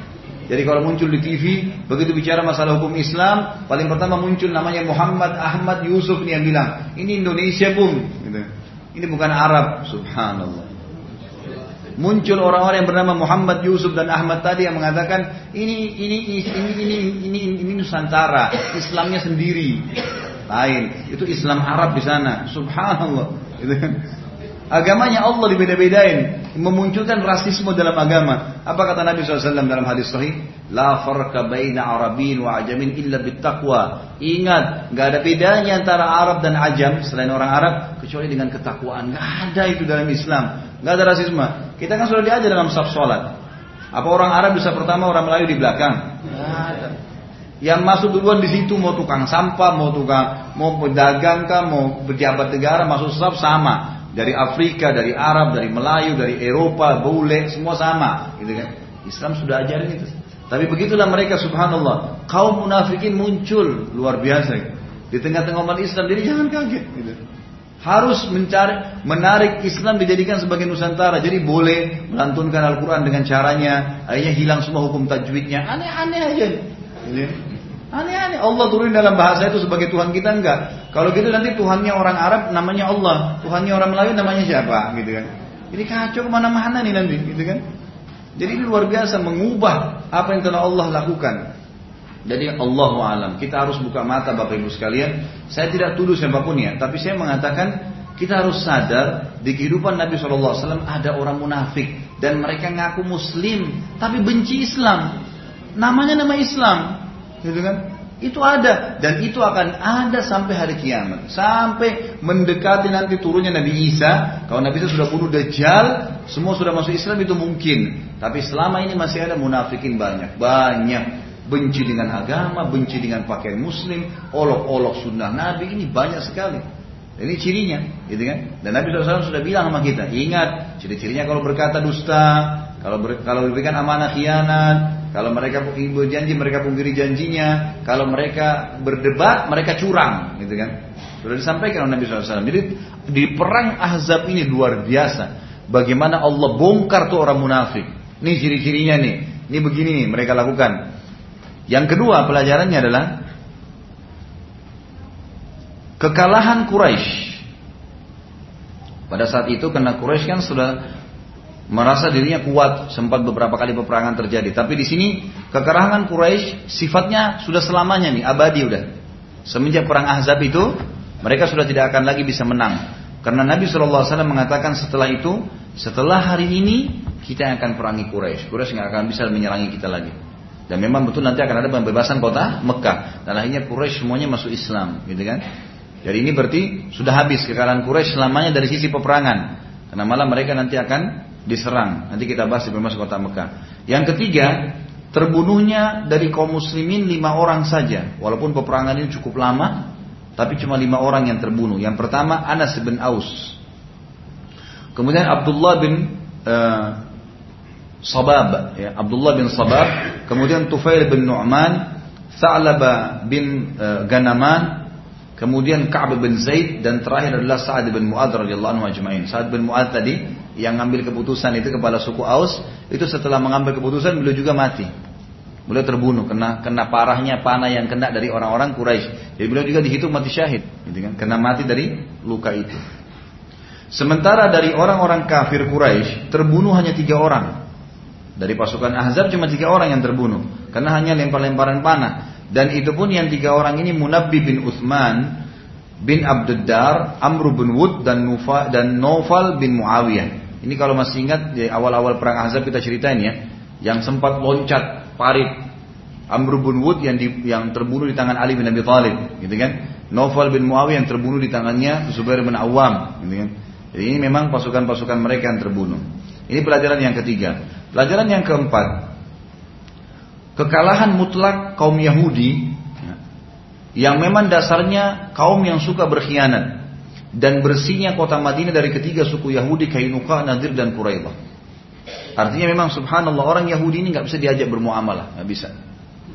Susah. Udah kita sudah punya rentetan histori sejarahnya, udah nggak bisa.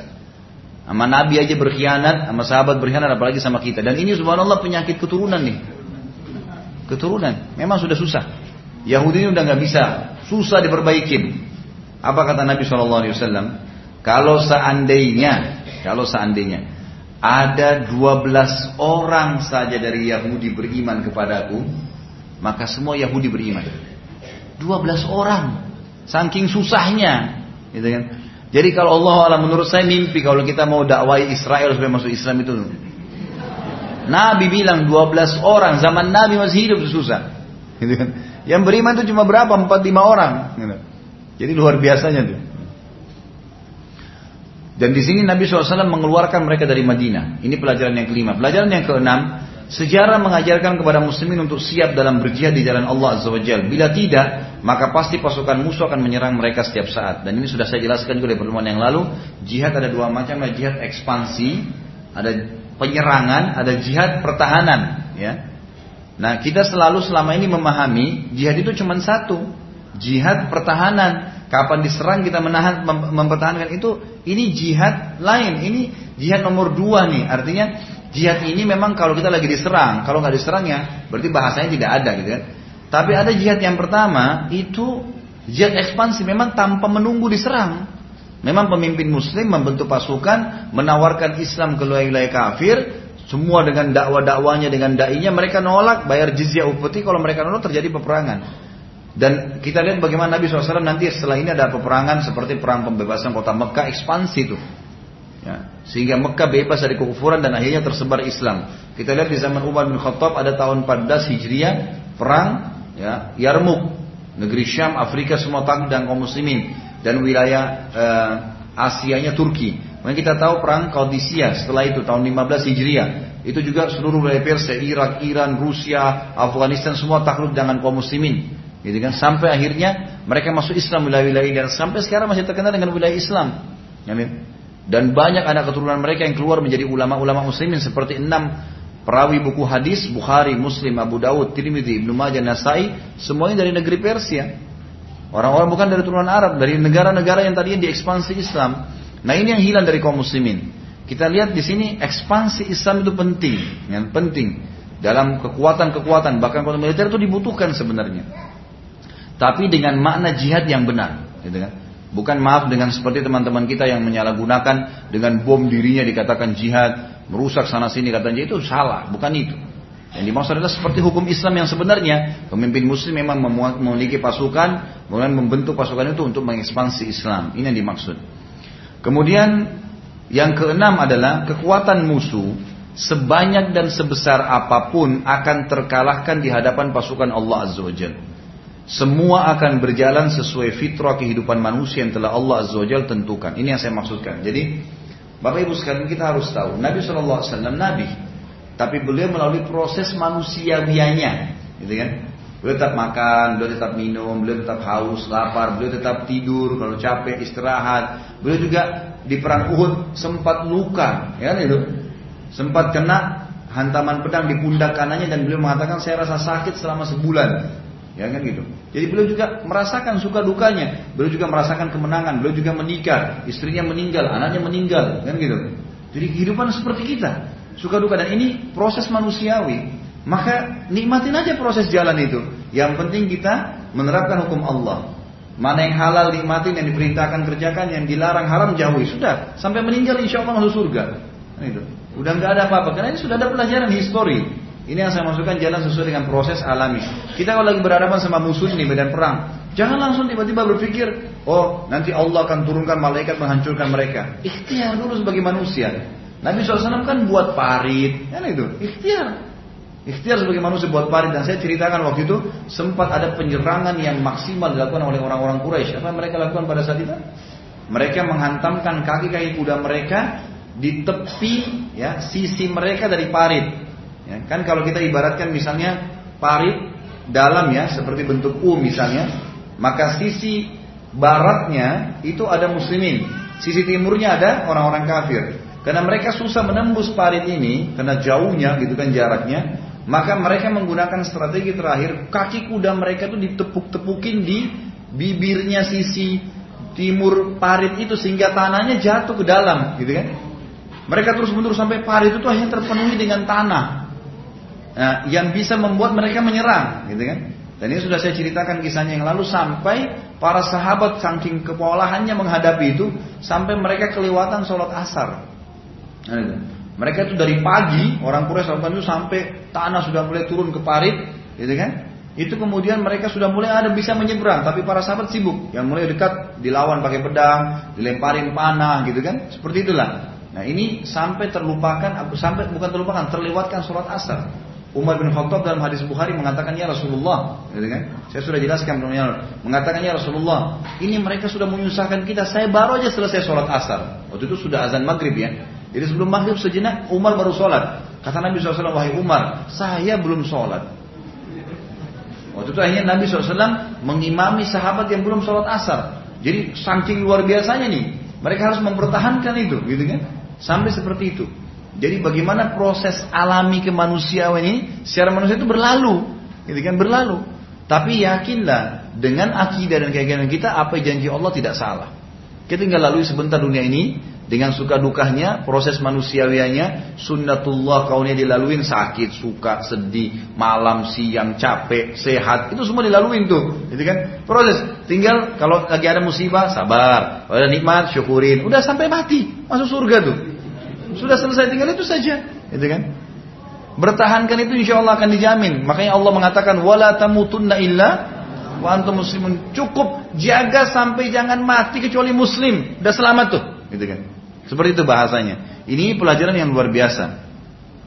Selanjutnya, poin ketujuh pentingnya memahami strategi perang dan masuk dalam ikhtiar sambil berdoa kepada Allah SWT memohon kemenangan. Jadi umat Islam itu tidak boleh diam, harus belajar tentang strategi perang, bagaimana perang, gitu kan? Allah SWT menyuruh kita untuk belajar. Dalam Al-Quran Allah mengatakan, A'udzubillahi minasyaitonir wa iddulahum mastata'tum min quwwatin wa min ribatil khairi turhibuna bi adullahi wa aduwakum. Al-ayat. Persiapkan dari diri kalian kata Allah semua, setiap muslim, gitu kan? Untuk keterampilan perang, menunggangi kuda, memanah, memainkan pedang, mungkin sekarang keterampilan bela diri untuk menakut-nakuti musuh Allah gitu kan dan mengalahkan mereka. Memang kita diperintahkan untuk itu. Jadi ada strategi perang yang kita harus tahu untuk membela agama Allah bukan membuat kekacauan. Dan perlu diketahui ya, pasukan jihad ini sebenarnya kalau dalam agama kita adalah pasukan keamanan dunia. Karena kita ini Bapak Ibu sekalian pasukannya Allah. Allah ini raja seluruh raja. Karena kita ini bukan pasukannya raja tertentu, kepala suku, bukan ini pasukannya Allah nih. Ini perlu difahami nih, gitu kan? Ini Bapak Ibu sekarang ini kita semuanya adalah orang-orang pilihannya Allah. Kita ini pengikutnya Allah pencipta langit dan bumi ini bukan main-main. Kita bukan pengikut ras tertentu, suku, kepala suku kah, negara kah, bukan, gitu kan? Semua walaupun presiden kita, walaupun raja kita semuanya tunduk kepada raja yang maha besar itu. Kita iman tunduk kepada Allah SWT. Dan ini karunia yang luar biasa nih. Itu. Kita harus paham masalah itu. Jadi kita benar, pasukan jihad ini pernah terjadi di zaman Abbasiyah. Ini cuma ada mungkin 9 poin ya. Sudah yang ketujuh tadi. Di zaman Abbasiyah pernah terjadi, wilayah Cina perbatasan dengan wilayah Abbasiyah, karena Abbasiyah itu tuh pusatnya di Irak. Wilayah Cina dengan wilayah sebagian uh, sebagian Rusia yang belum masuk Islam itu sempat cekcok, ribut nih. Jadi ternyata ada salah satu yang benar. Lalu Khalifah Abbasi mengumpulkan para ulama. Bagaimana saran kalian? Ini tetangga kita pada perang nih. Apa yang kita harus lakukan? Perlu ikut-ikutan nggak? Karena dua-duanya minta tolong nih. Tolong kepada pasukan muslimin untuk bantu, gitu kan? Umumnya ulama waktu itu hadir mengatakan untuk apa Amir Mu'minin? Gak usah. Apa hubungannya sama kita? Orang kafir sama kafir, biarin aja perang. Mati-mati terserah masuk neraka gitu kan. Apa kita ikut-ikutan? Semua umumnya ulama bilang begitu pada saat itu. Subhanallah ada satu di antara mereka yang sempat bilang waktu ditanya bagaimana pendapat anda, dia bilang wahai Amir Mu'minin, jihad diperintahkan untuk menegakkan kebenaran dan keadilan. Siapa yang benar di antara mereka, anda wajib bantu. Nggak bisa enggak. Jadi sampai pada tingkat itu pemahaman jihad tuh. Bukan hanya sekedar kita diserang baru kita bela, bukan cuma sekedar ekspansi Islam tawarin Islam, bukan. Sampai pada tingkat kalau ada yang sedang terdolimi walaupun non Muslim kita bela, dan itu termasuk jihad di jalan Allah. Sampai semuanya bertakbir waktu itu dan mengatakan ini yang benar. Akhirnya diterapkanlah peraturan itu. Jadi kita harus paham nih, ya dalam agama kita ada hukum. Poin yang kedelapan, kebijaksanaan Nabi Shallallahu Alaihi Wasallam dalam mengambil keputusan tepat saat ya lembut atau juga pada saat harus tegas. Jadi Nabi SAW tahu bagaimana menempatkan. Saya sudah jelaskan tadi kan. Bagaimana Nabi SAW lemah lembut, memberikan salam, membantu orang, orang kafir pun diberikan sodaka, gitu kan. Tapi dari sisi lain, di kancah peperangan tegas, nggak bisa. A A B B nggak bisa, tegas, bukan keras ya, tegas lain. Tegas itu ini boleh ini nggak boleh, ya, gitu. Itu tegas. Maka Nabi SAW tahu bagaimana mengambil keputusan tegas. Waktu Jibril datang menegur langsung tegas. Jangan ada yang sholat asar kecuali di Bani Quraidah. Siapa yang beriman pada akhir, semuanya pergi ke sana. Tegas, bukan keras di sini ya. Jadi ini poin juga kita lihat bagaimana Nabi SAW punya kelebihan dalam kebijaksanaan ini. Dan ini harus para pemimpin mengambil pelajaran. Yang terakhir yang ke, maaf ada 10 poin. Yang kesembilan adalah Allah Azza wa telah mengajarkan kepada kita pada kaum mukminin dalam surah An-Nahl. Surah An-Nahl surah nomor 16 ayat 126. Bunyinya A'udzubillahi minasyaitonirrajim wa in aqabtum fa'aqibu bimithli ma uqibtum bihi wa la in sabartum lahu khairun lis-sabirin. Dan jika kalian memberi balasan, ada orang yang buat jahat nih, menyerang kita. Maka kita membalas balasan, maka balaslah dengan balasan yang sama dengan siksaan yang ditimpa kepada kalian. Yang setimpal. Akan tetapi, bila kalian bersabar, sesungguhnya itulah yang lebih baik bagi orang-orang yang sabar. Artinya, kalau kita diserangnya jangan diam, gitu kan? Serang juga, harus begitu. Gak bisa diam, bagaimana kebenaran diserang dibiarin? Mesti dibakar, dibiarin, tidak apa-apa, nggak bisa. Loh, harus lawan gimana caranya? Mungkin kita nggak buat masalah kok. Subhanallah umat Islam nggak pernah buat masalah di muka bumi, kecuali yang fasik di antara mereka ya. Tapi kalau membawa nama agama itu nggak ada. Makanya sekarang citranya Islam mulai dirusak. Mereka cari jalan supaya merusak. Kalau Islam itu nggak pernah. Mayoritas negara Islam ada orang Islam tidak pernah mengganggu orang-orang non Muslim, nggak pernah. Gak pernah buat masalah. Orang-orang muslim hidup bahagia. Di Indonesia ini orang non muslim enak buka toko, usaha, gak ada yang ganggu. Ada yang ganggu. Pernah masjid itu orang muslim tagi dia bayar. Ada masjid buat begitu peraturannya? Gak ada. Kecuali yang saya bilang tadi orang fasik individu. Orang fasik memang tidak takut sama Allah nagi-nagi itulah. Itu pun kalau mereka lapor kepada masjid, masjid bisa hukum, bisa datangin. Tanya RT, tanya RW gitu. Tidak, tidak. Tapi subhanallah kalau kita balik, orang muslim yang minoritas ini luar biasa. Tertindas, diganggu gitu kan. Umat Islam itu luar biasa sebenarnya. Memang sudah begitu. Maka Allah menyuruh kita tidak boleh diam.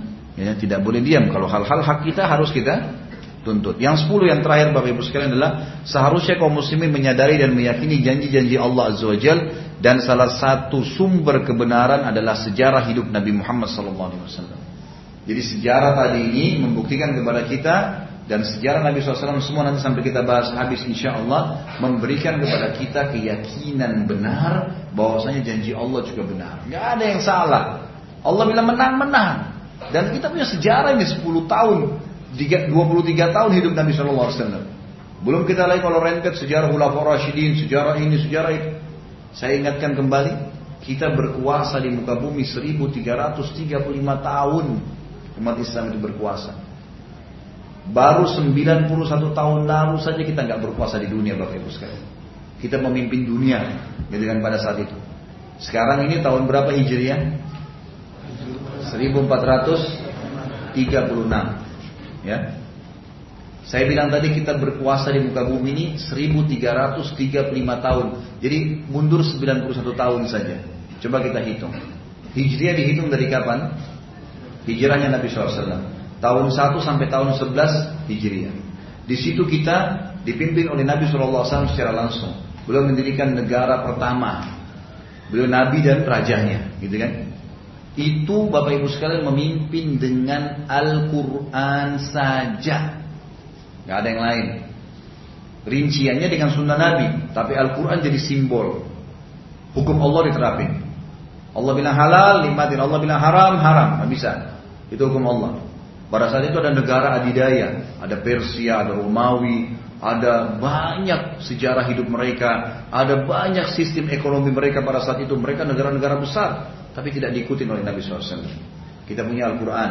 Datang Abu Bakar 11 sampai 13. Datang Umar 13 sampai 23. Datang Utsman 23 sampai 37. Datang Ali 37 sampai 40. 40 tahun Khulafaur Rasyidin. Semuanya Al-Quran. Tidak ada yang lain. Umar bin Khattab, Abu Bakar, Uthman, Ali nggak punya ijazah ekonomi dari Eropa. Gak punya ijazah politik dari Amerika. Gak berkiblat pada Belanda dan negara-negara kafir yang lainnya. Tapi Al-Quran hanya itu. Gak ada ijazahnya. Bahkan mereka banyak tidak bisa membaca, tidak bisa nulis. Kita lihat kerajaan pertama Islam, dinasti Umayyah, tahun 40 sampai 132 Hijriah. Rentetan sejarah setelahnya Abbasiyah 132 sampai 656 Hijriah. Setelah itu datang Utsmaniyah itu dari tahun 670-75 sampai kurang lebih 1335 Hijriah yang lalu. Semuanya itu berhukum dengan hukum Al-Quran. Subhanallah, begitu umat Islam tinggalkan Al-Quran, terpuruk. Habis Begitu kiblatnya sudah ke non muslim, Indonesia sibuk dengan Belanda. Ini sudah dijajah 350 tahun masih pakai peraturannya gimana ini?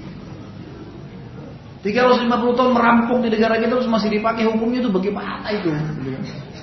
Nggak mau terapin hukum Allah. Gitu. Apalagi kita mayoritas. Malaysia sibuk dengan Inggris, Mesir, Tunis, Jazair sibuk dengan Perancisnya, negara-negara yang pernah jajah mereka. Udah merampok, udah membunuh, udah memerkosa, diikuti lagi hukumnya. Kok aneh ini? Kok umat Islam nggak buka matanya? Sementara kita punya histori sejarah 1335 tahun kuasain dunia. Dan sejarah manusia tidak bisa melupakan perannya kaum muslimin. Al-Jabar namanya tetap termuliakan. Abdul Jabbar yang menulis matematika sampai sekarang dipelajari. Itu muslim dari Spanyol. Ibnu Sina dalam ilmu kedokteran, gitu kan? Abbas bin Akhnas yang pertama menemukan pesawat terbang. Lalu dia diterjemahkan bukunya dari bahasa Arab ke bahasa Inggris oleh dua orang ilmuwan dari Inggris. Kemudian dianggap mereka yang menemukan pesawat itu. Padahal kita punya bukunya, manuskripnya ada gambaran ilustrasi. Abbas bin Akhnas sempat buat sayap buatannya dia loncat dari gunung di Spanyol itu nggak mati sampai mendarat. Di tangannya sendiri buat sayap. Nggak jatuh itu bukan pakai mesin, dia sendiri yang buat. Ada bukunya, ada fakta sejarah. Bagaimana Al-Jaziri menemukan teori tentang listrik. Lalu kemudian Thomas Edison terjemahkan dia yang dikenal menemukan listrik. Umat Islam belajar itu lupa Jaziri yang menemukannya ada fakta sejarahnya. Semuanya dari umat Islam asalnya. Hanya kena belajar dari Al-Quran. Kita lupa ya Al-Quran seakan-akan cuma sekedar hiasan, cuma dibaca. Bukan. Hukumnya diterapkan. Hak Al-Quran ada empat. Dibaca, ditadaburi, pahami hukum dan maknanya, dihafal, diamalkan. Harus diamalkan. Negara Saudi dengan banyaknya kekurangannya tapi pakai hukum Allah. Miskin ke Saudi? Ada miskinnya. Kaya raya malah. Allah bukain beragam macam fasilitas. Selama muslimin jauh dari Al-Quran, jauh dari hukum Allah, maka pastilah mereka akan dipurukan oleh Allah Subhanahu wa taala. Tapi kita lihat kemuliaan kita sudah ada bukti sejarah. Maka belajar dari sejarah Bapak Ibu sekalian. Ini adalah pelajaran yang besar sekali. Allah Insya Allah mungkin sampai sini dulu. Mudah-mudahan apa yang kita bahas hari ini bermanfaat insya Allah. Dan mohon maaf untuk kali ini saya tidak bisa buka pertanyaan karena saya ada materi lagi yang harus saya sampaikan. Kalau Bapak Ibu punya pertanyaan bisa disimpan, nanti kita tetap akan lanjutkan karena masih ada satu kejadian lagi berhubungan dengan perang Ahzab ini. Ya, pertemuan akan datang kita akan bahas insya Allah. Saya tidak pecahkan sekarang, bahas sekarang karena memang dia kejadian tersendiri di luar dari kota Madinah. Nanti akan ada penyerangan dari sahabat Abdullah bin Abi Atik radhiyallahu anhu ke wilayah Khaybar untuk membunuh Abu Rafi' salah satu pimpinan Yahudi yang juga terlibat dalam peperangan Ahzab. Itu ada kisahnya kita akan ceritakan tentang bagaimana e, kejadian tersebut. Mungkin sampai sini mudah-mudahan semua muslimin yang sakit disembuhkan penyakitnya, semua yang terlilit utang dilunasi utangnya, semua yang pernah kita lakukan oleh mata kita melihat, telinga kita mendengar, lisan kita mengucapkan, tangan kita menjamah, kemaluan kita menyentuh, kaki kita melangkah dari dosa-dosa Allah ganti semua menjadi pahala. Semoga seluruh muslimin di muka bumi yang sedang tertindas di Palestina, di Syria, di Yaman, di Myanmar di mana pun mereka berada Allah muliakan Islam di tangan mereka. Allah ikhlaskan niat mereka. Allah bawakan telapak-telapak kaki mereka. Dan Allah terima para syuhada mereka. Serta Allah partisipasikan kita bersama mereka di pahala baik dengan doa dengan jiwa dan juga dengan harta kita. Dan semoga Allah dengan kemahamurahannya yang saya yakin sedang melihat kita malaikatnya sedang hadir di majlis, majlis yang mulia ini untuk menjadikan kita semua bersatu di surga firdausnya tanpa hisab. Sebagaimana dia satukan kita di majlis ilmu yang mulia ini. Terima kasih waktunya mudah-mudahan bermanfaat subhanakallahumma bihamdika asyhadu an la ilaha illallah ilaik. Wassalamualaikum warahmatullahi wabarakatuh.